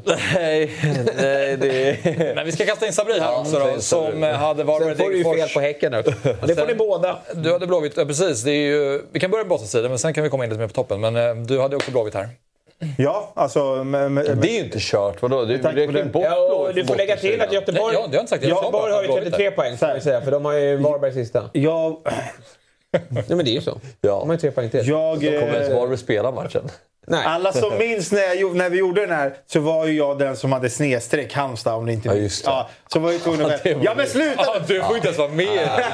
Bra redaktion att ta bort det. Men jag, ska, jag vill säga en annan sak. Jag vill säga en annan sak. Jag tror att Degerfors går om BP. Eh, så om jag får ändra om den här så tror jag att Degerfors hamnar på kvalplats och BP åker ut direkt. Jag hade också Nej. BP med andra sidan. Nej, om vi gör en ny... Om vi... Men, men, men, men skitsamma, men det är, så här, det är fortfarande inte kört för Göteborg. Alltså, jag är så här, av de lagen som ligger där de ligger, Jag kört, absolut. eh, med AIK då, också om vi blandar in dem lite, så är det, så här, det är det är störst press på Göteborg och AIK med tanke på hur Göteborg har gått nu. Och med de värvningar är bra, de är ett storlag. De är, alltså BP, det var någonstans räknade man ju med innan. Hans har gått superdåligt. Så, jag, jag kan inte Göteborgs schema i huvudet. Men det, det, det, det är nu, upp- det är nu upp, mentaliteten ska komma. Alltså, Schemat i- för bottenlagen, Kalle. Ja. För vi har faktiskt tagit fram det. BP kommer aldrig åka ut kan jag säga redan nu. De kommer varför inte? Mellberg har ju, Halmstad är Mellberg, har ju en historia av det. Här har vi Ja, jo, vi- Kommer, vad menar du med aldrig åka ut? Då är att de klarar ett kval, ja. Det tror inte jag. Jag tror också de klarar ett kval. Men vad, du tror att de aldrig kan komma på kvalplats? Får jag, Jo, jo, det kan de göra. Ja. Men de åker inte ut. eh, Degerfors går inte om BP. Nej. Inte. Och, och BP... De? Okej, men, men vänta. Vänta, Degerfors har ju 24 poäng. Degerfors har 24, eh, BP har 27. Ja. Ja, eh, när, inför nästa sista omgången då kommer de eh, mycket troligt stå på samma antal poäng. Ja, precis. Degerfors 24, inte 25. Ja. Jag tror eh, BP kan torska mot Sirius och Diffen tar de inte. Det kan de absolut göra. Boys kan Degerfors vinna mot. Alltså Deg, jag tror Degerfors vinner hemma mot Kalmar. Helt ärligt. Helt seriöst. Jag vet att Kalmar är bra just nu. Men Degerfors hemma. På det här Ja, det kan Nej, men framförallt så slår de ju Varberg i Degerfors. Och eh, sen torskar de garanterat mot Elfsborg. Häcken hemma! Alltså! BP Häcken- åker ut. då tror Jag säger det här och nu. Ja, men då har Häcken kanske redan... Inget att spela för. Inget att spela för. Va? Och det är inget att spela för, det vet man inte. Nej, men det, det vet vi inte. så. Vi vet ju inte Ja. att... De vinner Vi ändå vet ju inte. ingenting De vinner ändå inte mot Häcken hemma. Det tror jag absolut kan göra. Vadå, då, då menar du att ett avslappnat Häcken ska komma och möta ett helt desperat BP på Jag Grimsta? tror att eh, Häcken har typ... Eh, de har Molde några dagar efter den här matchen mot BP också. Så har inte de att spela för så tror jag att BP Men det är ju, det är ju, det är ju så tydligt, alltså de tre som gått över. Jag, sa det här i Fotbollsmorgon i måndags, men det är ju de som har satt värvningarna, det är de som har lyckats. Det är de som tycker jag har varit skillnaden för de här lagen. Kollar du BP Halmstad, Halmstad har knappt gjort ett nyförvärv. BP's nyförvärv, Alexander Johansson, Timossi, Andersson, de har ju inte slagit rätt. Sota, eh, det har ju inte fallit väl ut. Eh, Degerfors har också gjort ganska många värvningar. Det är ingen riktigt som jag tycker har... Men Jag tycker Degerfors också har förlorat matcher på ett sätt som har varit så här. Alltså det kan ju vara en anledning till att de kanske då åker ut, men jag tycker liksom hemma mot Göteborg gör de faktiskt en suverän match. Mm. Men de förlorar ändå det. Sirius leder de med 2-0 med alltså så här ynka sju minuter kvar. Så här, det, de, det är ju ett bottenlag som tyvärr inte har turen med sig. Och jag tror att det är i så fall därför de åker ut. Men rent spelmässigt så kan de, de kan ta sex poäng. Mot Kalmar hemma och Varberg borta. På, med sättet de spelar på. Det är två gräsmatcher också som passar dem väldigt väl. Så Degerfors har det här lite i sig. Plus att det är så här, de har en erf- erfarenhet av att vara här. Så jag tycker... Men om man tittar, man ska- man ska får jag bara slutföra det? um, med- I Göteborg, vilka är det som varit de bästa spelarna där sedan sommarfönstret stängde? Mukolli, Santos. Det är klart. Selmani delvis. Ja, Selmani har varit okej. Okay. AIK, då har det varit Saletros. Eh, Sirius, eh, Ali. Eh, alltså, det har ju varit väldigt tydligt tycker jag att de som har satt nyföraren har även ryckt upp sig poängmässigt. Nej, men sen Halmstad också. Mjällby hemma är ingen lätt match. Alltså Mjällby, Halmstad har ju problem att montera ner lag. Alltså, nu var Degerfors på besök, men till och med Degerfors kan stänga ner ett Halmstad. Jag, jag tyckte man märkte det mot AIK med, Älvsbo, eller med Mjällby. Nej, att de, de stod inte för mycket roligt framåt. Det hände inte särskilt mycket, men väldigt jobbiga att slå ut lagdel för lagdel. Alltså, De sitter ihop på ett jävla bra sätt. Vilket kommer göra det svårt för, för Halmstad den matchen också. Sen ska man upp till Friends då och möta AIK som är, har ju fått en, en Alltså en boost, framförallt på hemmaplan. Nu har de ju byggt upp en liten borgkänsla där och där kan de nog stänga ner säsongen då att de förmodligen kan säkra sitt kontrakt. Så att, nej, det kommer vara... Alltså, de här här- tre lagen där nere, det, det, ehm, Det kan vara det rysare. Det är inte mål. Alltså, även måste Sirius har ju den överlägset bästa eh, formen och trenden. Men eh, BP hemma bör vara en lätt match för Ja, dem. där stänger väl de. Där De kanske stänger. de. Men det är ju Bayern, Djurgården, Norrköping efter det. Och det Ja. Ja, det, då, Ja, eh, det de där- ja. den här matchen är jätteviktig. Jag tror inte den matchen är säkert eh, Sirius tar tre poäng. BP är... Jag tycker inte att BP är så dåliga. De har haft... Eh, De släpper in för enkla mål Fabbe. Alltså det är ju rent, det är bakåt det. Och sen, de skapar jättemycket lägen. Ja. Det gör de faktiskt. Men de är för ineffektiva. Så Ja. Va- alltså, Vasic alltså han, och Pettersson, de kommer till mycket lägen. Lite för ineffektiva. Och sen, man ser ju när de växlar upp. Vad fan, andra halvlek mot Malmö, de dominerar alltså. Men, de Men är det är för en märklig match. Där är det ju ett Malmö som, som blir mentalt väldigt störda i den andra halvleken. Eh, och, och när BP får slippa försvara, där var det ju bara att trycka ner motståndarna. Malmö hade ju ingenting i den andra halvleken.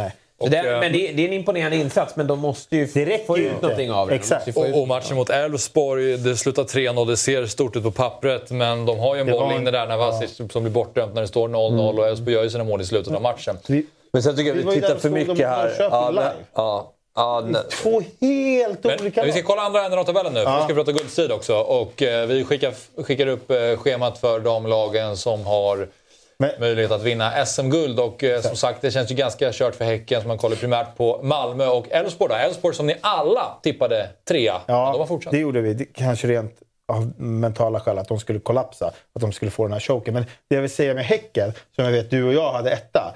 Det är att vi pratade mycket om att vi visste att, att de skulle förlora Traoré, de hade förlorat Sadik, Larsen hade gått. Och vi... Man, alltså, Ja, man förstod inte vad... Larsen är. Han var ju helt Alltså han drog ju direkt efter, alltså direkt efter våren. Häckens alltså, upp, ja. ja. Han var ju bästa, alltså, Alla bästa som spelare. spelar allsvenska fantasy vet ju, Larsen var ju guld. Och, Han var ju bäst i serien i våras. Men vi pratade ju mycket om att de ändå hade värvat vet, Abdul, eller Ishak Abdul eh, Rashak och eh, de tog in eh, Lajoni, de tog in Kristic och de hade ju Ola Kamara och sen skulle Simon Gustafsson tillbaka Mm. in i det här systemet. Men sanningen är ju att du pratar nyförvärv i bottenstriden som har gjort skillnad. Att liksom de lagen i botten som har gjort bra värvningar, de, de är inte i botten på samma sätt längre. AIK och Göteborg så här. Häcken är ju tvärtom tyvärr. Alltså, Ab Jävlar vad de har satt värvningarna i Häcken alltså. Nej! Jo det har de ju. Sluta! Jättebra. Christer är jättedålig. Han gör ingenting. Ja, men tänk på vilka spel de har tappat. Abdu, Abdurrazak, Alltså, har du sett han spela? Han är inte heller toppenbra. Ja, men men- det är det, du hade ju dem etta för att de värvningarna skulle vara bra. Det är bara Lajoni som har Ja, men jag tycker inte att det är nyförvärven som har gjort att de ligger där de ligger. Backe. Nej, nej, det, de, Ja, men det, det, håller inte. nej, men jag, tycker, jag tycker ändå att de har hanterat det ganska bra sett till vilka spel de har tappat. Jo. De har tappat två allsvenskans bästa Ja. fotbollsspelare. Tre kanske. Men vi- Allsvenskans tre bästa fotbollsspelare Jag vet, de. men du och Vilka jag... syftar du på då? Ja men eh, Sadik, Traoré, och Traoré. Hur skulle du tro att de skulle vinna guld? Exakt. Vad sa du? Du trodde jag, det... tycker, jag tycker Häcken är det bästa laget i serien. Jag tycker de är bättre än Elfsborg. men- tycker bättre än Malmö. Jag tycker det är dåligt att laget som möter Elfsborg match efter... Nu, Jo, för jag... jag- tycker att motståndarlagen har börjat bli bättre på att hantera Elfsborgs spel Ja, än det också Kristoffer Lund och eh, Uddenäs dessutom. Ja, var Kristoffer. Lund, Men- Uddenäs var För jag vet att eh, du då... Eh, alltså, du kritiserade ju oss för att du, sa hur ska de hantera Europa samtidigt. Varför jag trycker på nyförvärven det är för att ditt och mitt argument mot Jesper var då att Ja men de har gjort så bra värvningar. Alltså, de har värv... för då- kom Christer, han hade precis gjort du vet, de här typ två, tre målen i Europakvalet och man tänkte så här, oh, han kan ju ersätta liksom Traoré och Jeremejeff och allt som har lämnats efter sig. Och vi såg Lajon i tendensen, men sanningen är Kristers har inte varit tillräckligt bra. De saknar fortfarande nya. Ola Kamara vet jag inte ens om han är kvar i Göteborg. Eh, Simon Gustafsson har ju inte kommit tillbaka och blivit den där spelaren som Nej. man trodde. Och Abdul Rashak, mm, alltså nej, han har inte alls hittat i det där systemet. Och då, då vinner de inget Jag SM-guld. tycker även om snarare Samuel Gustafsson och de här spelarna som varit med har- inte tillräckligt bra. Eh, blivit lite bekväma, slöa. Alltså det är inte... De Nej, släpper men det har in billigare lite mål. fokus på Europa också. Ja, det är ja, det de roliga matcherna. Och Ja, man lite fokus. Det blir ju så när du har vunnit förra året. Ja. Sen ska jag addera så här att Elfsborg har ju Göteborg borta i omgång 28, vilket är stor skillnad mot att möta dem hemma. Och det är en tuff match. Men jag tror Elfsborg kommer få jobbet mot AIK redan nästa. Men om vi ska besia här nu hur det går. Nej, det är ju bara att drömma om att det blir en avslutande guldmatch. Och det borde det ändå bli. Sen vet vi inte om Malmö är ett eller om Elfsborg är etta i den. Det, det... Ja, de ska byta plats ja, för de möter AIK hemma och Blåvitt borta. Precis, precis. Men, eh, nej, men det, jag kommer ihåg att jag, det jag sa om det här, alltså att Elfsborg 3, det är inte så här att Elfsborg kommer tappa. Alltså det hade, jag, jag var inne på att det kan skilja sig en poäng mellan de tre lagen. Så, eh, det, och nu är det ju snarare Häcken som har tappat och de kommer inte ha något med den här guldstriden att göra. Eh, Men däremot tror jag att Häcken absolut vill jävlas med Malmö i omgång 29. Där tror jag att det är en match där de vill... eh, Jag tror att alla i Sverige vill ju att eh, Elfsborg vinner eh, det här guldet. Och Mal- Häcken kanske kan ha häng på en andra plats. Det vet man ju inte. Eh, i, i, eh, Nej, men Häcken som har tagit sig till Europa och allt det där. Alltså, det, alltså den matchen, alltså just Häcken, Häcken-Malmö den sista, det, det kan ju handla om så mycket pengar alltså i framtiden. Alltså, vi pratar liksom ett Champions League-kval eventuellt för Malmö då de kommer etta.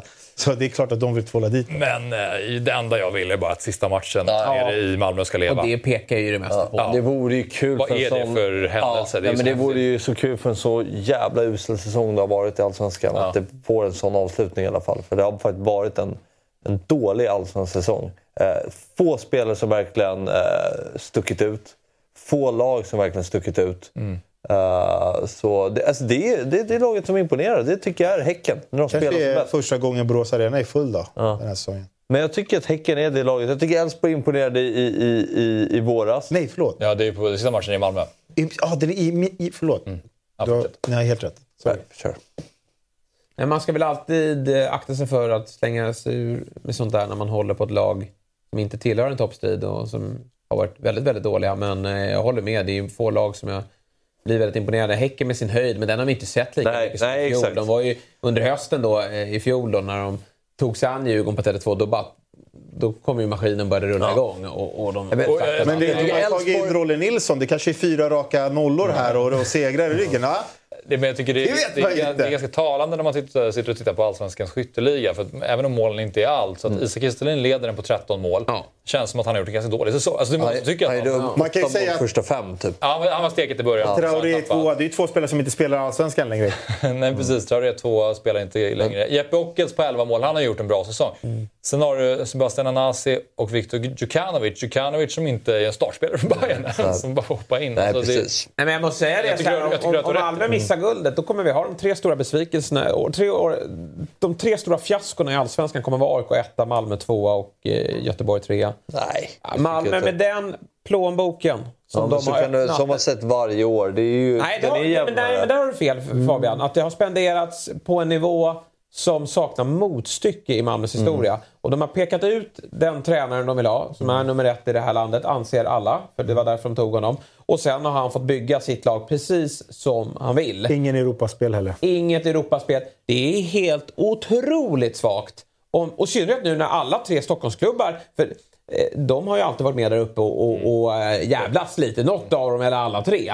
Nu har inte de varit Nej, eh, tävlingskompatibla. Det är katastrofalt om Malmö FF inte tar det här guldet. Det är de- ett superfiasko. Du menar exakt alla... Sen är det ju så här, Rydström gör ju sin första säsong så att det spelar ingen roll för hans framtid. Eller jo, det kommer ju, det, man är missnöjd med säsongen men det är ju inte tal om sparken eller så. Utan det är, han ska ju få bygga det över tid och Malmö kommer att skörda framgångar med honom och bli ett bättre fotbollslag.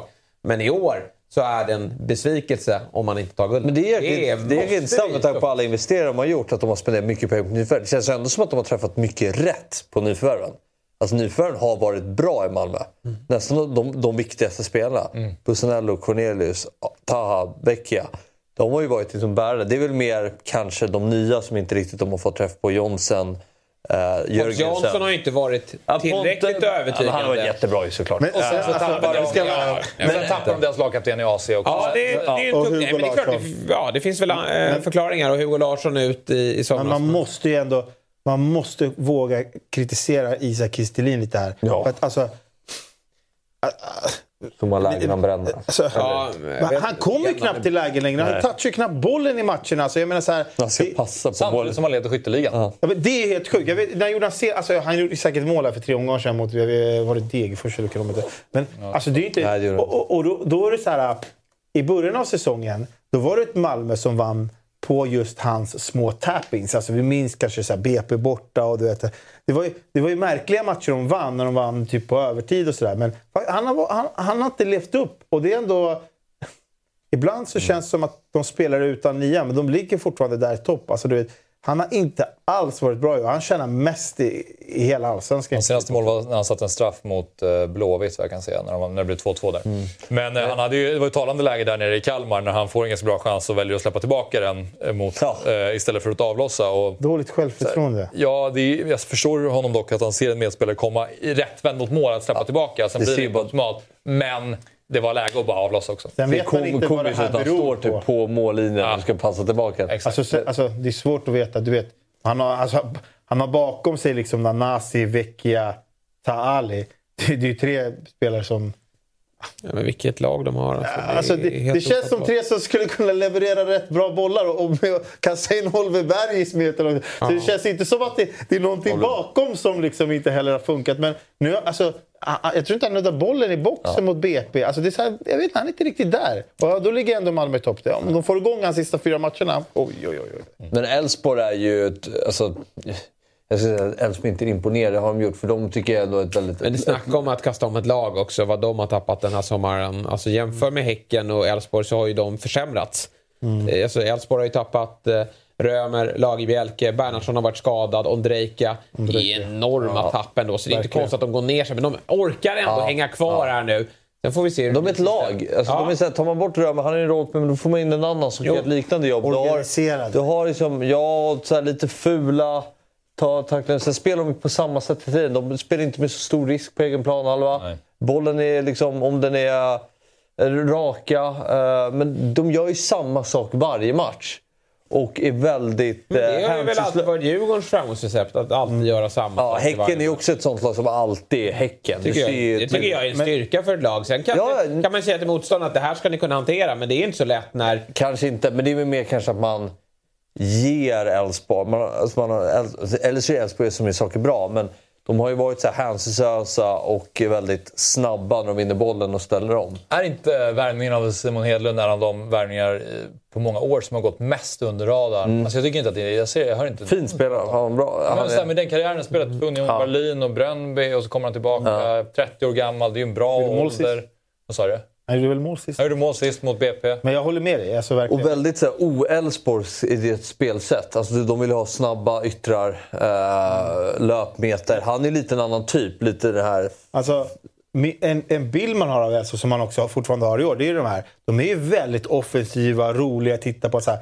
Men, alltså, nej, men alltså, Det är en bild man har haft av dem. Att de, så här, det är ett lag som gör 2-0, då går de ju för trean. Alltså, de går för fyra. Så här. Men jag tycker faktiskt i år vilken organis vilket organiserat försvarsspel. Alltså, de är, alltså, den där, jag tycker den där backlinjen är suverän med liksom jag tycker inte det mot slutet. Jag tycker, att det är tycker... jag tycker Lagerbielke var en viktig del ja. av den där backlinjen. Alltså han, jag tycker de har gått ner sig sen, sen han försvann. Men jag tycker inte det är konstigt när du byter ut en, en mittbacksgeneral sådär. Så jag, jag, det, vi får se här nu. Nu har Elfsborg 57 poäng. Men, men de, sett de senaste omgångarna, ska ju inte vara serieledare. Och eh, de har ett ganska jobbigt schema. Degerfors ska de ju slå på hemmaplan. Men övriga tre motståndare är ju tuffa för dem. Mm. För det, alla de här fyra lagen har de spelat för. Men Degerfors är väl det klart sämsta laget då. Mm. Vi eh, ska ta en kort paus. När vi är tillbaka då ska vi köra ett segment som vi kallar för Tre snabba. Mm. Och då så kommer Kalle skicka upp några påståenden som man snabbt ska ta ställning till. Så jag kommer ge er varsin tavla och så ska ni bara skriva ner och så får vi se vad de andra har svarat och så diskuterar vi därefter. Och sen så ska vi avsluta med lite quiz. Ehm, så vi är alldeles strax tillbaka.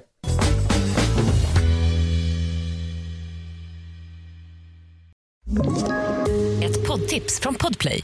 I podden Något Kaiko garanterar östgötarna Brutti och jag, Davva, dig en stor dos skratt. Där följer jag pladask för köttätandet igen. Man är lite som en jävla vampyr. Man har fått lite blodsmak och då måste man ha mer. Udda spaningar, fängslande anekdoter och en och annan arg rant. Jag måste ha mitt kaffe på morgonen för annars är jag ingen trevlig människa. Då är du ingen trevlig människa, punkt. Något kajko, hör du på podplay. Därför är Tre snabba kallar vi alltså det här momentet idag. Nästa gång kanske det är fem snabba. Vi får se hur, eh, hur det flyger. Men eh, som sagt, skicka upp eh, påstående på tvn och så ska vi ta ställning till det. Jag har ingen tavla, jag skriver någonting här på datorn så får jag vända upp den. Jag försöker lösa det på något smidigt sätt. Och eh, Kalle, vår redaktör, skickar upp första snabba här då. Vem är Premier Leagues mest underskattade spelare? Oj, oj, oj. Oj, vad svårt. Kul- Jävligt kul fråga, men... Men eh, så man, man känner direkt att jag behöver mer betänketid. Jag har så dålig koll på vilka som är underskattade med tanke på att jag Ja, konsumerar inte media så mycket. Ja. Men Okej. Vänta då, vänta då. Eh, Men det här som är kul med momentet tycker jag. Det, lite. det roliga här blir väl att man kommer komma på något som bara drar. Kasta bara upp något! Okej, Du får då får du börja Sabri då. Ja, men han måste skriva så får vi vända alla samtidigt. Okej. ja. Okej. Ska vi vända samtidigt eller? Ja, vi kan vända. Vad har ni skrivit? Okej. Jag har skrivit... Ja. Alvarez, Ben White, John Stones, Martin Ödegaard. fyra olika. Fyra Då är olika. alla de här i bra alternativ och då är... eh, Då, då, Han är, inte säger... han är inte underskattad. Jo, det tycker är jag ju en av världens bästa spelare. fan. Tycker du att folk pratar om John Stones som en av världens bästa Jag, följer inte, jag konsumerar inte mycket engelsk media som ni gör, men, Nej, men eh, här jag... är- jag Det coola med John Stones är att han klev in från Everton som ett träben i City och man har utvecklat honom nu och att han är viktig för liksom, det kreativa i Ja, han kan spela tia, han kan spela... eh, Ja, men eh, jag Men vi har- tycker ändå inte att John Stones... Det är väl, så är det väl diskussioner med alla här. Ja. Får de här tillräckligt mycket rubriker? Men det är kanske den, din gubbe får väl minst rubriker och han är jävligt bra. Ben White. Jag tycker det är ett bra alternativ. Mm, jävla bra spelare. Eh, Alvarez får ju också... Ja, Men alltså jag tycker... Alltså, jag kan man, inte säga emot någon här. Du letade ju bara, vad är det mest oklara namnet som jag kan? Som jag, kan? Jag kan ju han Nej, men här är en, jag gillar hur han... Alltså, jag tycker han är grym. Jag håller dock med om att det är ett bra val. Uh, Julian Alvarez, nej men alltså... Ja, men så här. på väg att bli skattad känns som. Ja, Ja. lite så. Så, så, eh, på den vägen är han. Men alltså, ser man rätt, eh, alltså i, i, ja, jag tycker så, om man kollar över Citys, eh, i Citys trupp överlag så tycker jag att det här är en av de mest kompletta fotbollsspelarna som finns. Jag tycker han är en av de mest kompletta fotbollsspelarna i världen. Och där tycker jag inte att många pratar om honom. Det är, det är många andra, det kanske kommer andra frågor, jag ska inte kasta upp andra namn här. Men det finns andra som får mycket mer cred i Manchester City där jag tycker att Alvarez är en bättre spelare. Så jag tycker att han är underskattad i sättet hur, hur eh, komplett han är. Vilka pratar om John Stones som världens bästa mittback då? Nej, det säger ju Det är ingen. ingen som Men är han världens det bästa mittback? Det vet jag inte, men han borde vara med i Men diskussionen. du må, om du skriver att han är underskattad så tycker du ju att han är en av världens bästa jag mittbackar. Det tycker jag definitivt. Jag tycker att Martin Ödegaard är en ruskigt bra spelare Ja. och att han är, liksom, han är kapten Norges bästa fotbollsspelare.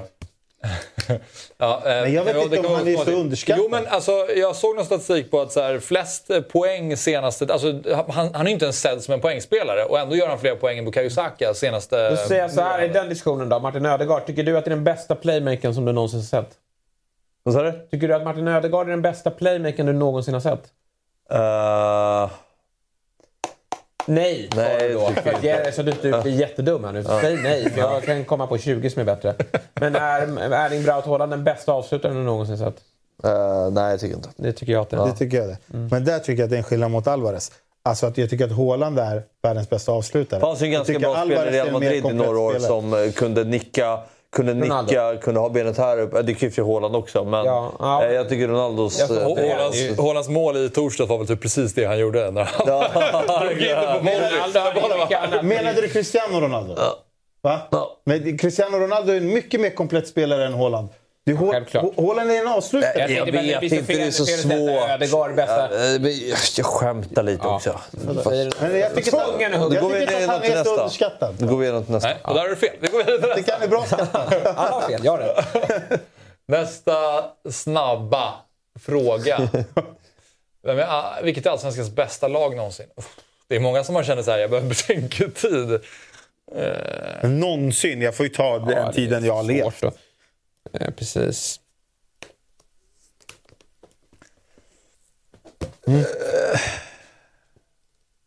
Fan vad svårt. Jag har lite bubblor. precis. Vi kan ju inte, vi, ingen av oss upplevde ju Göteborgs storhetstid. Nej, Okej, då kan vi vända då. Okej, vi kör då. Plus.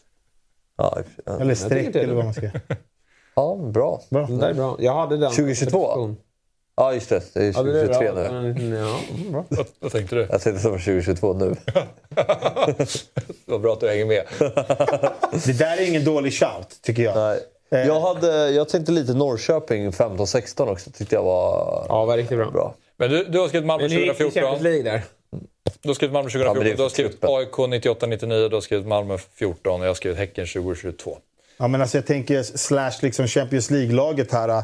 Genom att man tog sig till den där gruppen. Sen eh, så här, man stod upp bra mot väldigt bra lag. Så Eh, på 99 då? På hemmaplan. Ja, det blir 99. De vann ju guldet eh, 98. Men det var de inte, kanske inte ja, var helt var det, samma, det var inte samma lag. Eh, Alltså, det mest populära valet är väl att gräva där i Djurgården Det är tidigt det som säger 2000-tal. lite emot det där. Det är, hade AIK vunnit guldet 99, vilket man ju blev rånade på visserligen, eh, och tagit sig Champions League så är det ju väldigt mäktigt. Eh, då, då är det ju... Mm. Eh, jag vet, men jag tycker, Men- bara, det, men, jag tycker eh, bara det är laget. det går ju att nämna Djurgården eh, 0-2 där, men det eh, gick ju inte så väl i Europa sen. Jag... Fast det var nära att slå ut Partisanen då, som ändå slog ut Newcastle. behöver göra det som Malmö gjorde 14. Ja, jag håller med. Därför Men, också Malmö 14. men alltså, grejen med Häcken, det, det var länge sedan man kände att lag var så överlägsna. Ja, de slaktade ju Allsvenskan. Ja. Det, det, så där kan jag... Så här, sen Ja, deras är Europa-historia nu, men alltså, det var Tycker- länge sedan man kände att uff, de här går inte, går inte att vinna. Och de kom lite från ingenstans. Sen kan jag tycka så här, Nor- Norrköping vann 14, eller 15. Då tycker jag det var ganska bra konkurrens. Alltså AIK var ganska bra, bra det året, Göteborg var bra det året. Uh, Absolut. Så, uh, Men jag kände inte att jag kunde svara typ Djurgården 02 för att jag inte upplevt det själv riktigt. Nej. Så jag vet ju att det är många, när, när den här typen av rankning görs så är det ju ofta Mm. Djurgården Ja, men de typ bra. 02 som, som hålls som det bästa Men laget. Häcken var ju liksom året. Och då var ju också konkurrensen ganska bra. Både Djurgården och Bayern var ju riktigt bra Förra förra året. året. ja. Ja. Ja. så. Ja, då hade vi AIK ett Mm. bättre år också än- än i år får man säga. Ja, fast det var ja. Ja, okej. Eh, Nästa då. Sista snabba. Vem hade vunnit flest Ballon d'Or om inte Messi och Ronaldo hade funnits? herregud. Synd alltså, men... Jaha. Det är alltså en spelare man tycker har fått för lite shout. Alltså de spelade ju fint samtidigt, så att, men... men eh, Ja, du måste ju ta någon som, som spelar samtidigt också. Svårt, svårt, svårt. Ja, det är inte lagen. Svårt. Man, man måste ju få tänka lite. Nu pratar vi, det- de här höll på jävligt länge alltså. Det är många år man måste tänka, vem var bra alla dessa år? Man kan ju shouta en, någon spelare som var bra i två år, men det ska ju vara någon som har varit bra... Du vet, det står ju helt still i mitt huvud om vilka årtal vi pratar om. Ja, precis. Så Zidane, jag, jag förstår inte att Henri inte vann flera gånger, men han tävlade inte mot de här, så det var ju några andra som var bättre. Ja. Ja, vi kör. Ja, vi kör. Ja, jag har inte skrivit. Neymar har du skrivit. Ja, jag har inte hunnit skriva. Du får skriva någonting om du kommer på någonting. Ja. Suarez. Ja, jag var inne på honom också. Ja, Suarez är bra. Det där. Leva, skriver jag. Ja, min, mitt resonemang var bara att om inte Ronaldo hade varit i Real och vunnit massa Champions League och Messi inte hade vunnit så hade Bayern München bara prenumererat på titlar och Ja, så hade. Leva varit den som hade varit viktigast. Och så Ja, det är bra tänkt. hade han plockat hem det varje år. Jag, jag var inne på Xavi Iniesta först, men de hade inte varit lika bra för då, nej, om inte Messi hade funnits. Ja, det var lite Suarez hade dock varit lika bra i Barca Exakt. Han var ju helt brutal i Liverpool. Mm, ja, det hade han nog kunnat lösa ändå. Vad vill du säga? Alltså, jag, nej, men jag är fortfarande still i mitt huvud. Jag, alltså, jag gillar det där. Zlatan då? För. Det var det jag tänkte göra från början. Men Men det- Neymar är ju den som har dominerat flest fotbollsmatcher. eh, Under de, de, de, om man tar 10-talet, förutom de här. Alltså, Lite för länge va? Vad sa du? Lite för låg lägstanivå. Men här, Nej, det tycker här, kommer, det här kommer vara kul att gå in och se chattens eh, Ja. shouts. Alltså, för, alltså, det, I mitt huvud står det helt stilla. Jag kan inte, jag kan inte komma på en spelare. Så Zlatan, han, förtjänar ingen jävla ballong. Men det är frågan eh, om det är Kylian Mbappé som kommer prenumerera på dem nu framöver eller om det blir norrmannen. Eller om det blir någon annan. Ja, du har ju bra Bellingham, Musiala. Ja, Det är farligt. Jude i och för sig. För det beror på om eh, Mbappé vinner EM och sånt för att liksom, slå alla rekord och vinna Premier League och Champions League. Det räcker ju inte för Haaland. Så han måste ju liksom vinna något mästerskap med Norge också. Ja, det. exakt. Och det kan bli jävligt Han tufft. måste för- ju vinna VM-guld med Norge också, men det Ja. kanske han gör. Mbappé skulle, han skulle behöva börja med att vinna VM-finalen va? Han gjorde inte tillräckligt. Exakt. Ja, kul! Roligt. eh, Ja, vad roligt. Ja. Man hade hunnit fem Eh, snabbt. Guden är ju verkligen en... ehm, ja. Vass redaktör. Ja, ja. Han vinner Ballon d'Or redaktörsskapet. Men eh, vi ska avsluta programmet med lite quiz. Och då har jag, jag är inte med här och tävlar för att jag har förberett tillsammans med Kalle. Och eh, du Jesper har ju skickat ett, ett spel till oss här på redaktionen som heter väl Immaculate Footy? Ruskigt kul. Ja, som... Det är Petter Landén som jag vill eh, hylla här. Då. Det är Okej. han som har fått in mig på det här. Mm. Och eh, det är, eh, man ska följa det Twitterkontot för att varje dag klockan tre så släpps det en ny bingobricka. Rid som de kallar det. Ja, just det. Eh, och där man ska då... Ja, du får berätta. Det är du Ja, som programledare. nej, men, nej, men det, är, det, är, det är ditt spel. Men, eh, Så det- han har det- gjort alla de här? Det är bara att, eh, det är bara att googla på Immaculate Footy om man skulle vilja spela. Då. Men eh, det är som du säger, det är en bingobricka och det är klubbar och då ska man para ihop. Man ska sätta en spelare som har representerat de två klubbarna på rätt plats helt enkelt. Exakt. Aha. Man får inte ta samma spelare på, i flera rutor. Är det det där som ser ut som luffarschack? Liksom? Ja, precis. Och vi ska köra det nu? Vi ska köra det nu. Ska vi göra rutor? har gjort en jag, har gjort, jag har snickat ihop två stycken själv. Ja, vad kul. Och eh, jag har dubbelkollat att jag vet att det finns spelare i alla rutor. för det vill man ju göra. Eh, sen har jag inte koll på exakt hur Jävlar många vad det finns. snick, snickigt det måste varit, eller? Det var ganska kul. Eh, jag gick lite på magkänsla. Det gick, eh, jag har inte gjort världens research, men eh, jag tror att det kommer bli lagom nivå. Ja. Och sen har vi regeln också att eh, om vi tar samma. Ja. Om vi till exempel har... Ja, nu får du ta någon. Engelsmän i Real Madrid och alla tar Bellingham. Ja, då får ingen poäng. Nej, precis. poäng. Man Okej. måste vara unik för att få poäng. Ja. Ja. Trevligt. Och, och så är det i det här spelet som jag och Axel spelar. Då är det som så att eh, då eh, tar man en spelare som få har valt. Så får man, eh, man ska ha så få poäng som möjligt. Då, den räknar vi Ja. procentuellt. Så tar man Zlatan under PSG och Milan då får man ju väldigt hög poäng. Ja. Men tar man en doldis så, så får man... Tittarvänligt också. Tittarna är med. Ja. Så ni kommer få två minuter på er. Mm, det är bra. Här är tidspress. upp. Det är det ju inte på det spelet. spelar. Nej, där kan man sitta och tänka länge. Okej, ska vi göra rutor här eller bara skriva Ja, ner? gör uh, rutor. Det är Eh, nio, va? Nio stycken rutor, så ni får själva förstå hur många streck ni behöver dra. Men det ser ut som att Sabri är på rätt väg i alla fall. Ja, Fabbe har dragit, Fabbe har dragit tre Nej, men, streck. nej det, det där är, är inte rätt, nej. Det är ju ett sånt här för mycket, herregud. Ja, men får man inte göra... Kan man inte göra fler för säkerhets skull? Pratet och försöka rädda upp det. Nej, det är så. Ja, Addera några extra rutor av, av någon jävla anledning. Ehm, Men jag vet... Men kommer upp, jag kommer förstå vilken ruta Ja, jag ska... kan du kommer förstå. Precis, nu börjar vi hitta något där Fabbe. Det räcker. Jag är stressad, kör nu! Snyggt. Okej, här har vi våran... Eh, Du får inte luta dig framåt nu. Då börjar vi med den här då. Och eh, då har ni IFK Göteborg, Djurgården, AIK där uppe och så har vi Bundesliga, Danmark och Jupiler Pro League, vilket är den belgiska ligan. Och Danmark, då vill vi alltså ha en dansk spelare. Så att till exempel där uppe till vänster, då ska vi ha en spelare som har representerat IFK Göteborg och som också har spelat i olika. Bundesliga. Ja, Du måste ha olika, du kan inte Ja, välja samma nej. spelare i flera rutor. Och då börjar... Vad är Jupiter Pro League? Det är belgiska ligan. Så en aik som har spelat i belgiska ligan. Ja, mycket riktigt. Och ni har två minuter på er från och med nu.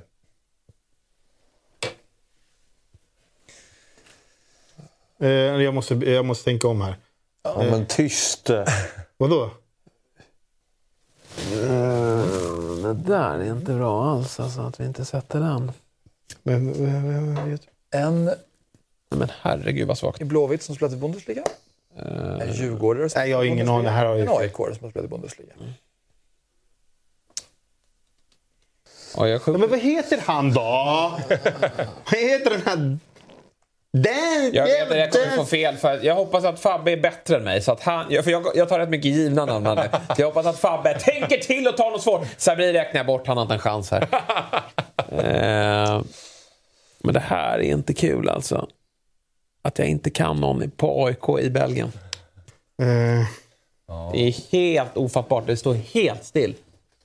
Eh, Vi har alltså 15 sekunder kvar.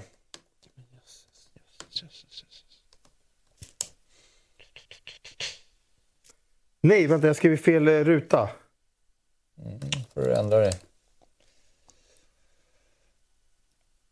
Där har vi då ja, nej, jag missade. två Jag missade. minuter. Då får ni lägga ner era pennor. Jag har ju missat på tre rutor. Fan vad starka ni var då.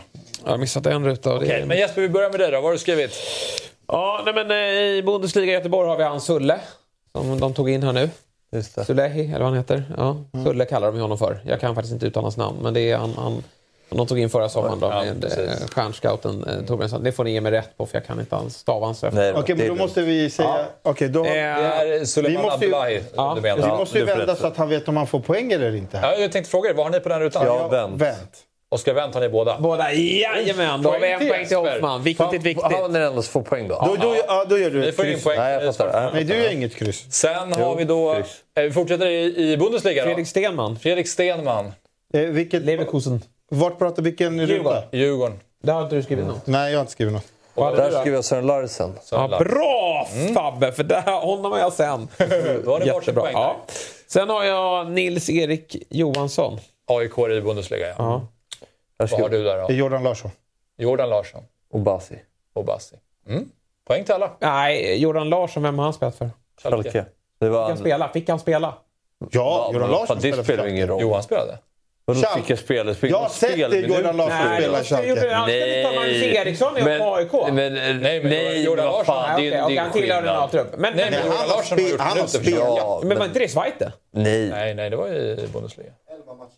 Ja, men Zweite. Nej, Sluta nu. Nej, nej, nej. Ja, ja, de åkte ju ur. Bundesliga. Ja, ja. Nils-Erik Johansson hade jag. Ja, eh, precis. Poäng Och vem till hade alla. du? Eh, och Basi.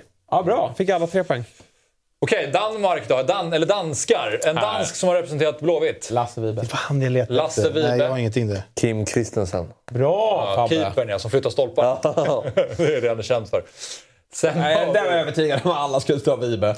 sen har vi Sören Larsen har du Ja, skrivit. och det- Eh, En dansk som har representerat Djurgården. Nikolaj Agger.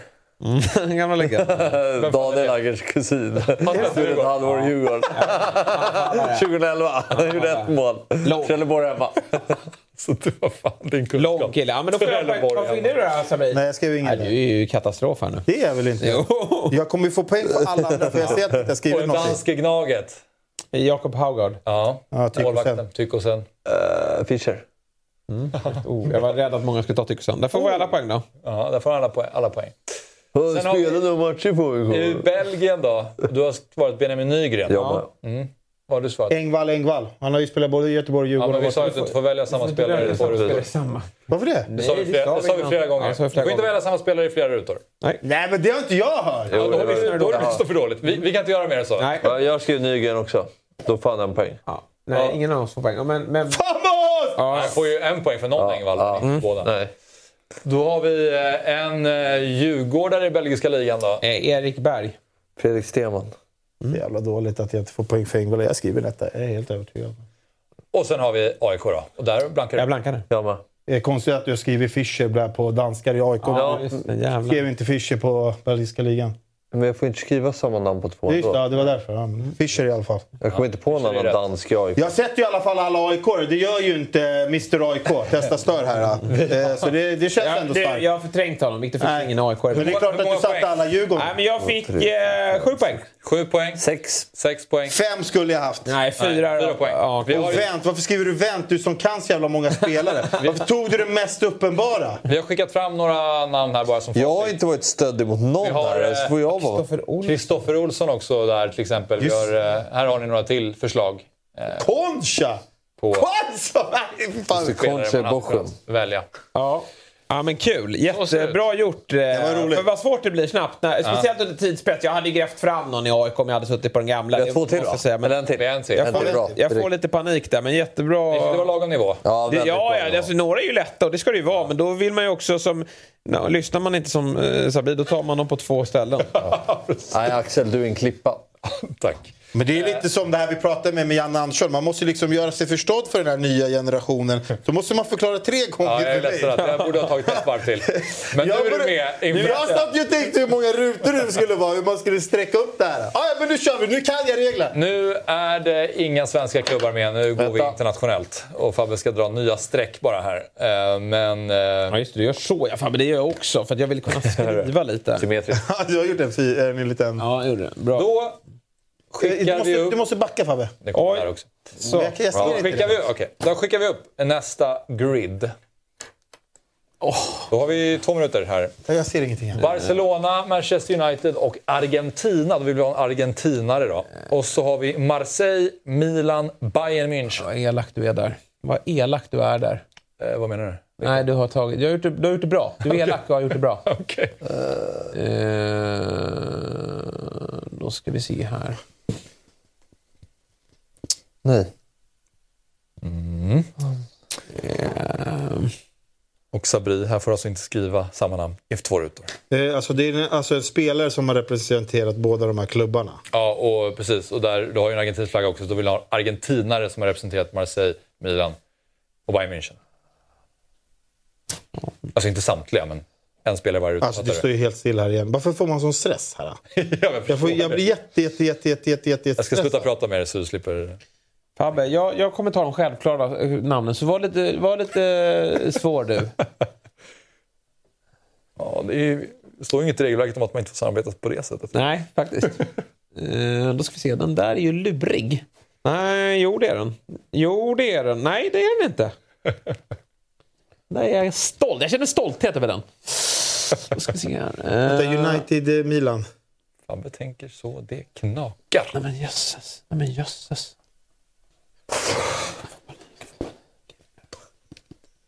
Fem sekunder. Sen får du inte skriva något mer. Där! Satan! va. Nej, det är så Jag missade tre igen. Det är så svagt. Jag Shit, missar vad också tre.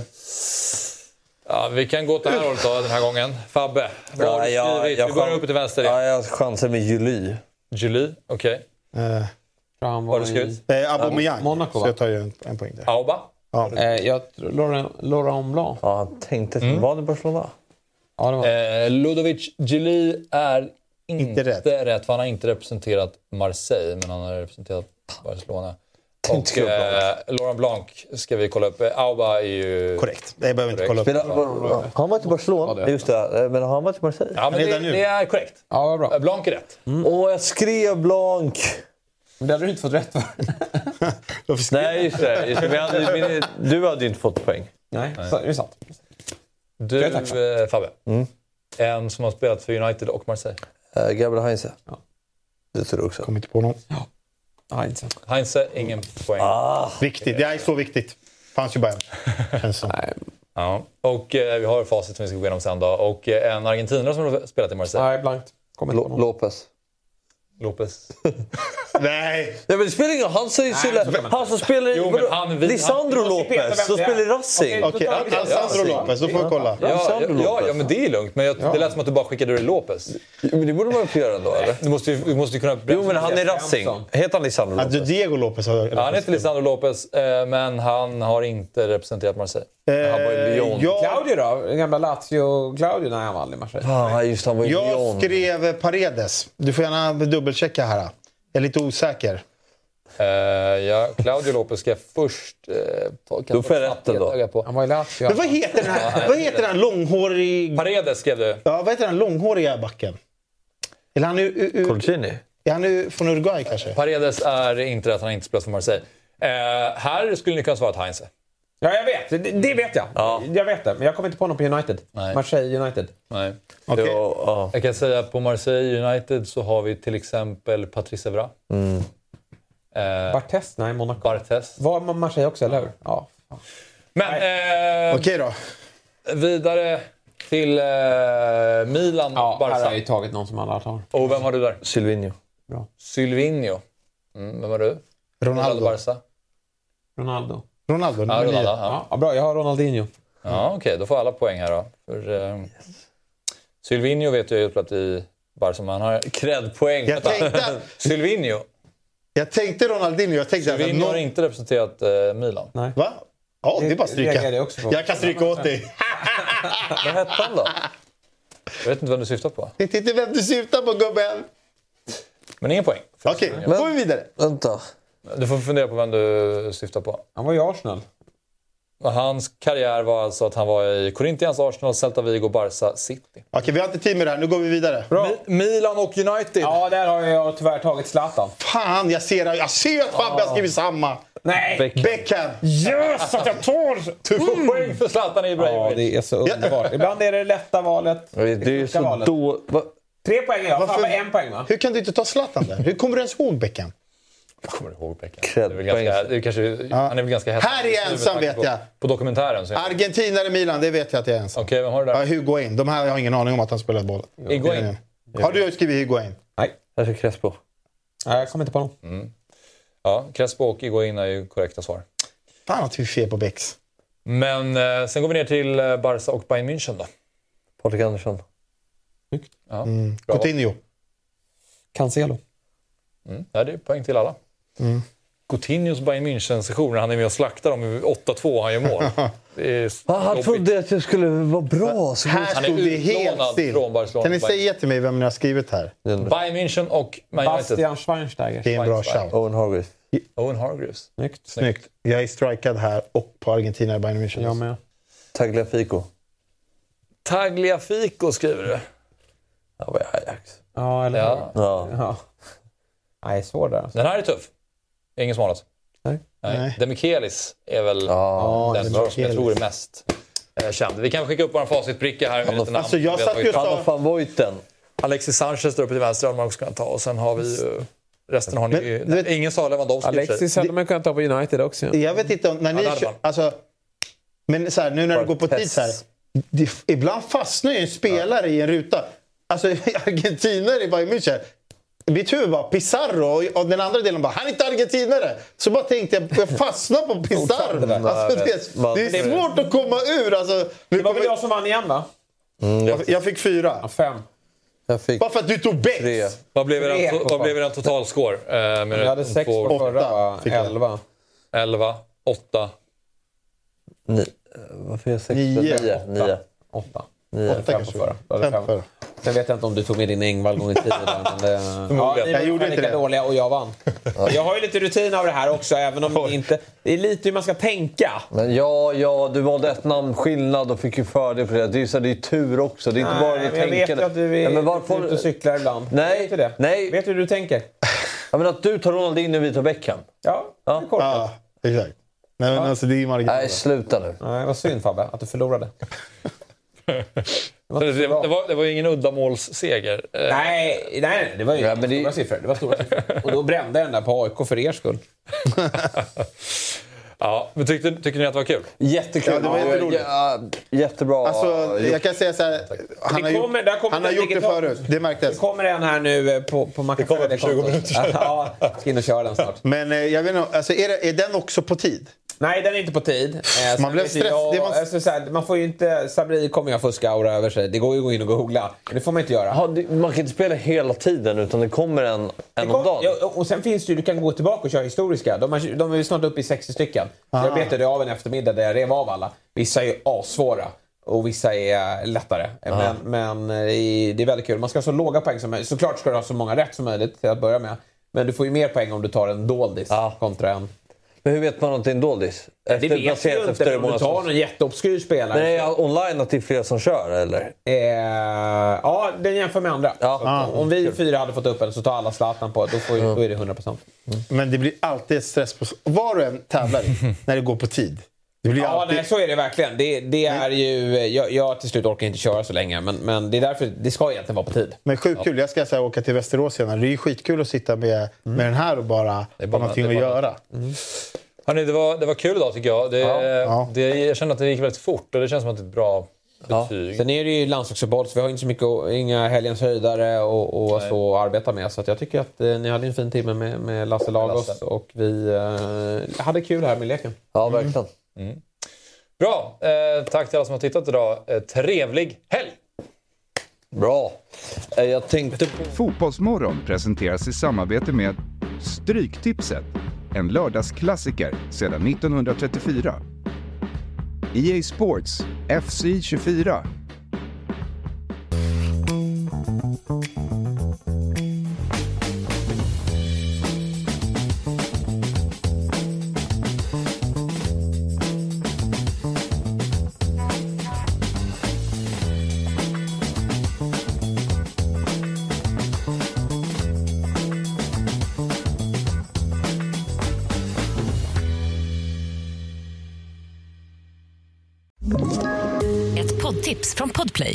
Podden Något Kaiko garanterar östgötarna Brutti och jag, Davva, dig en stor dos skratt.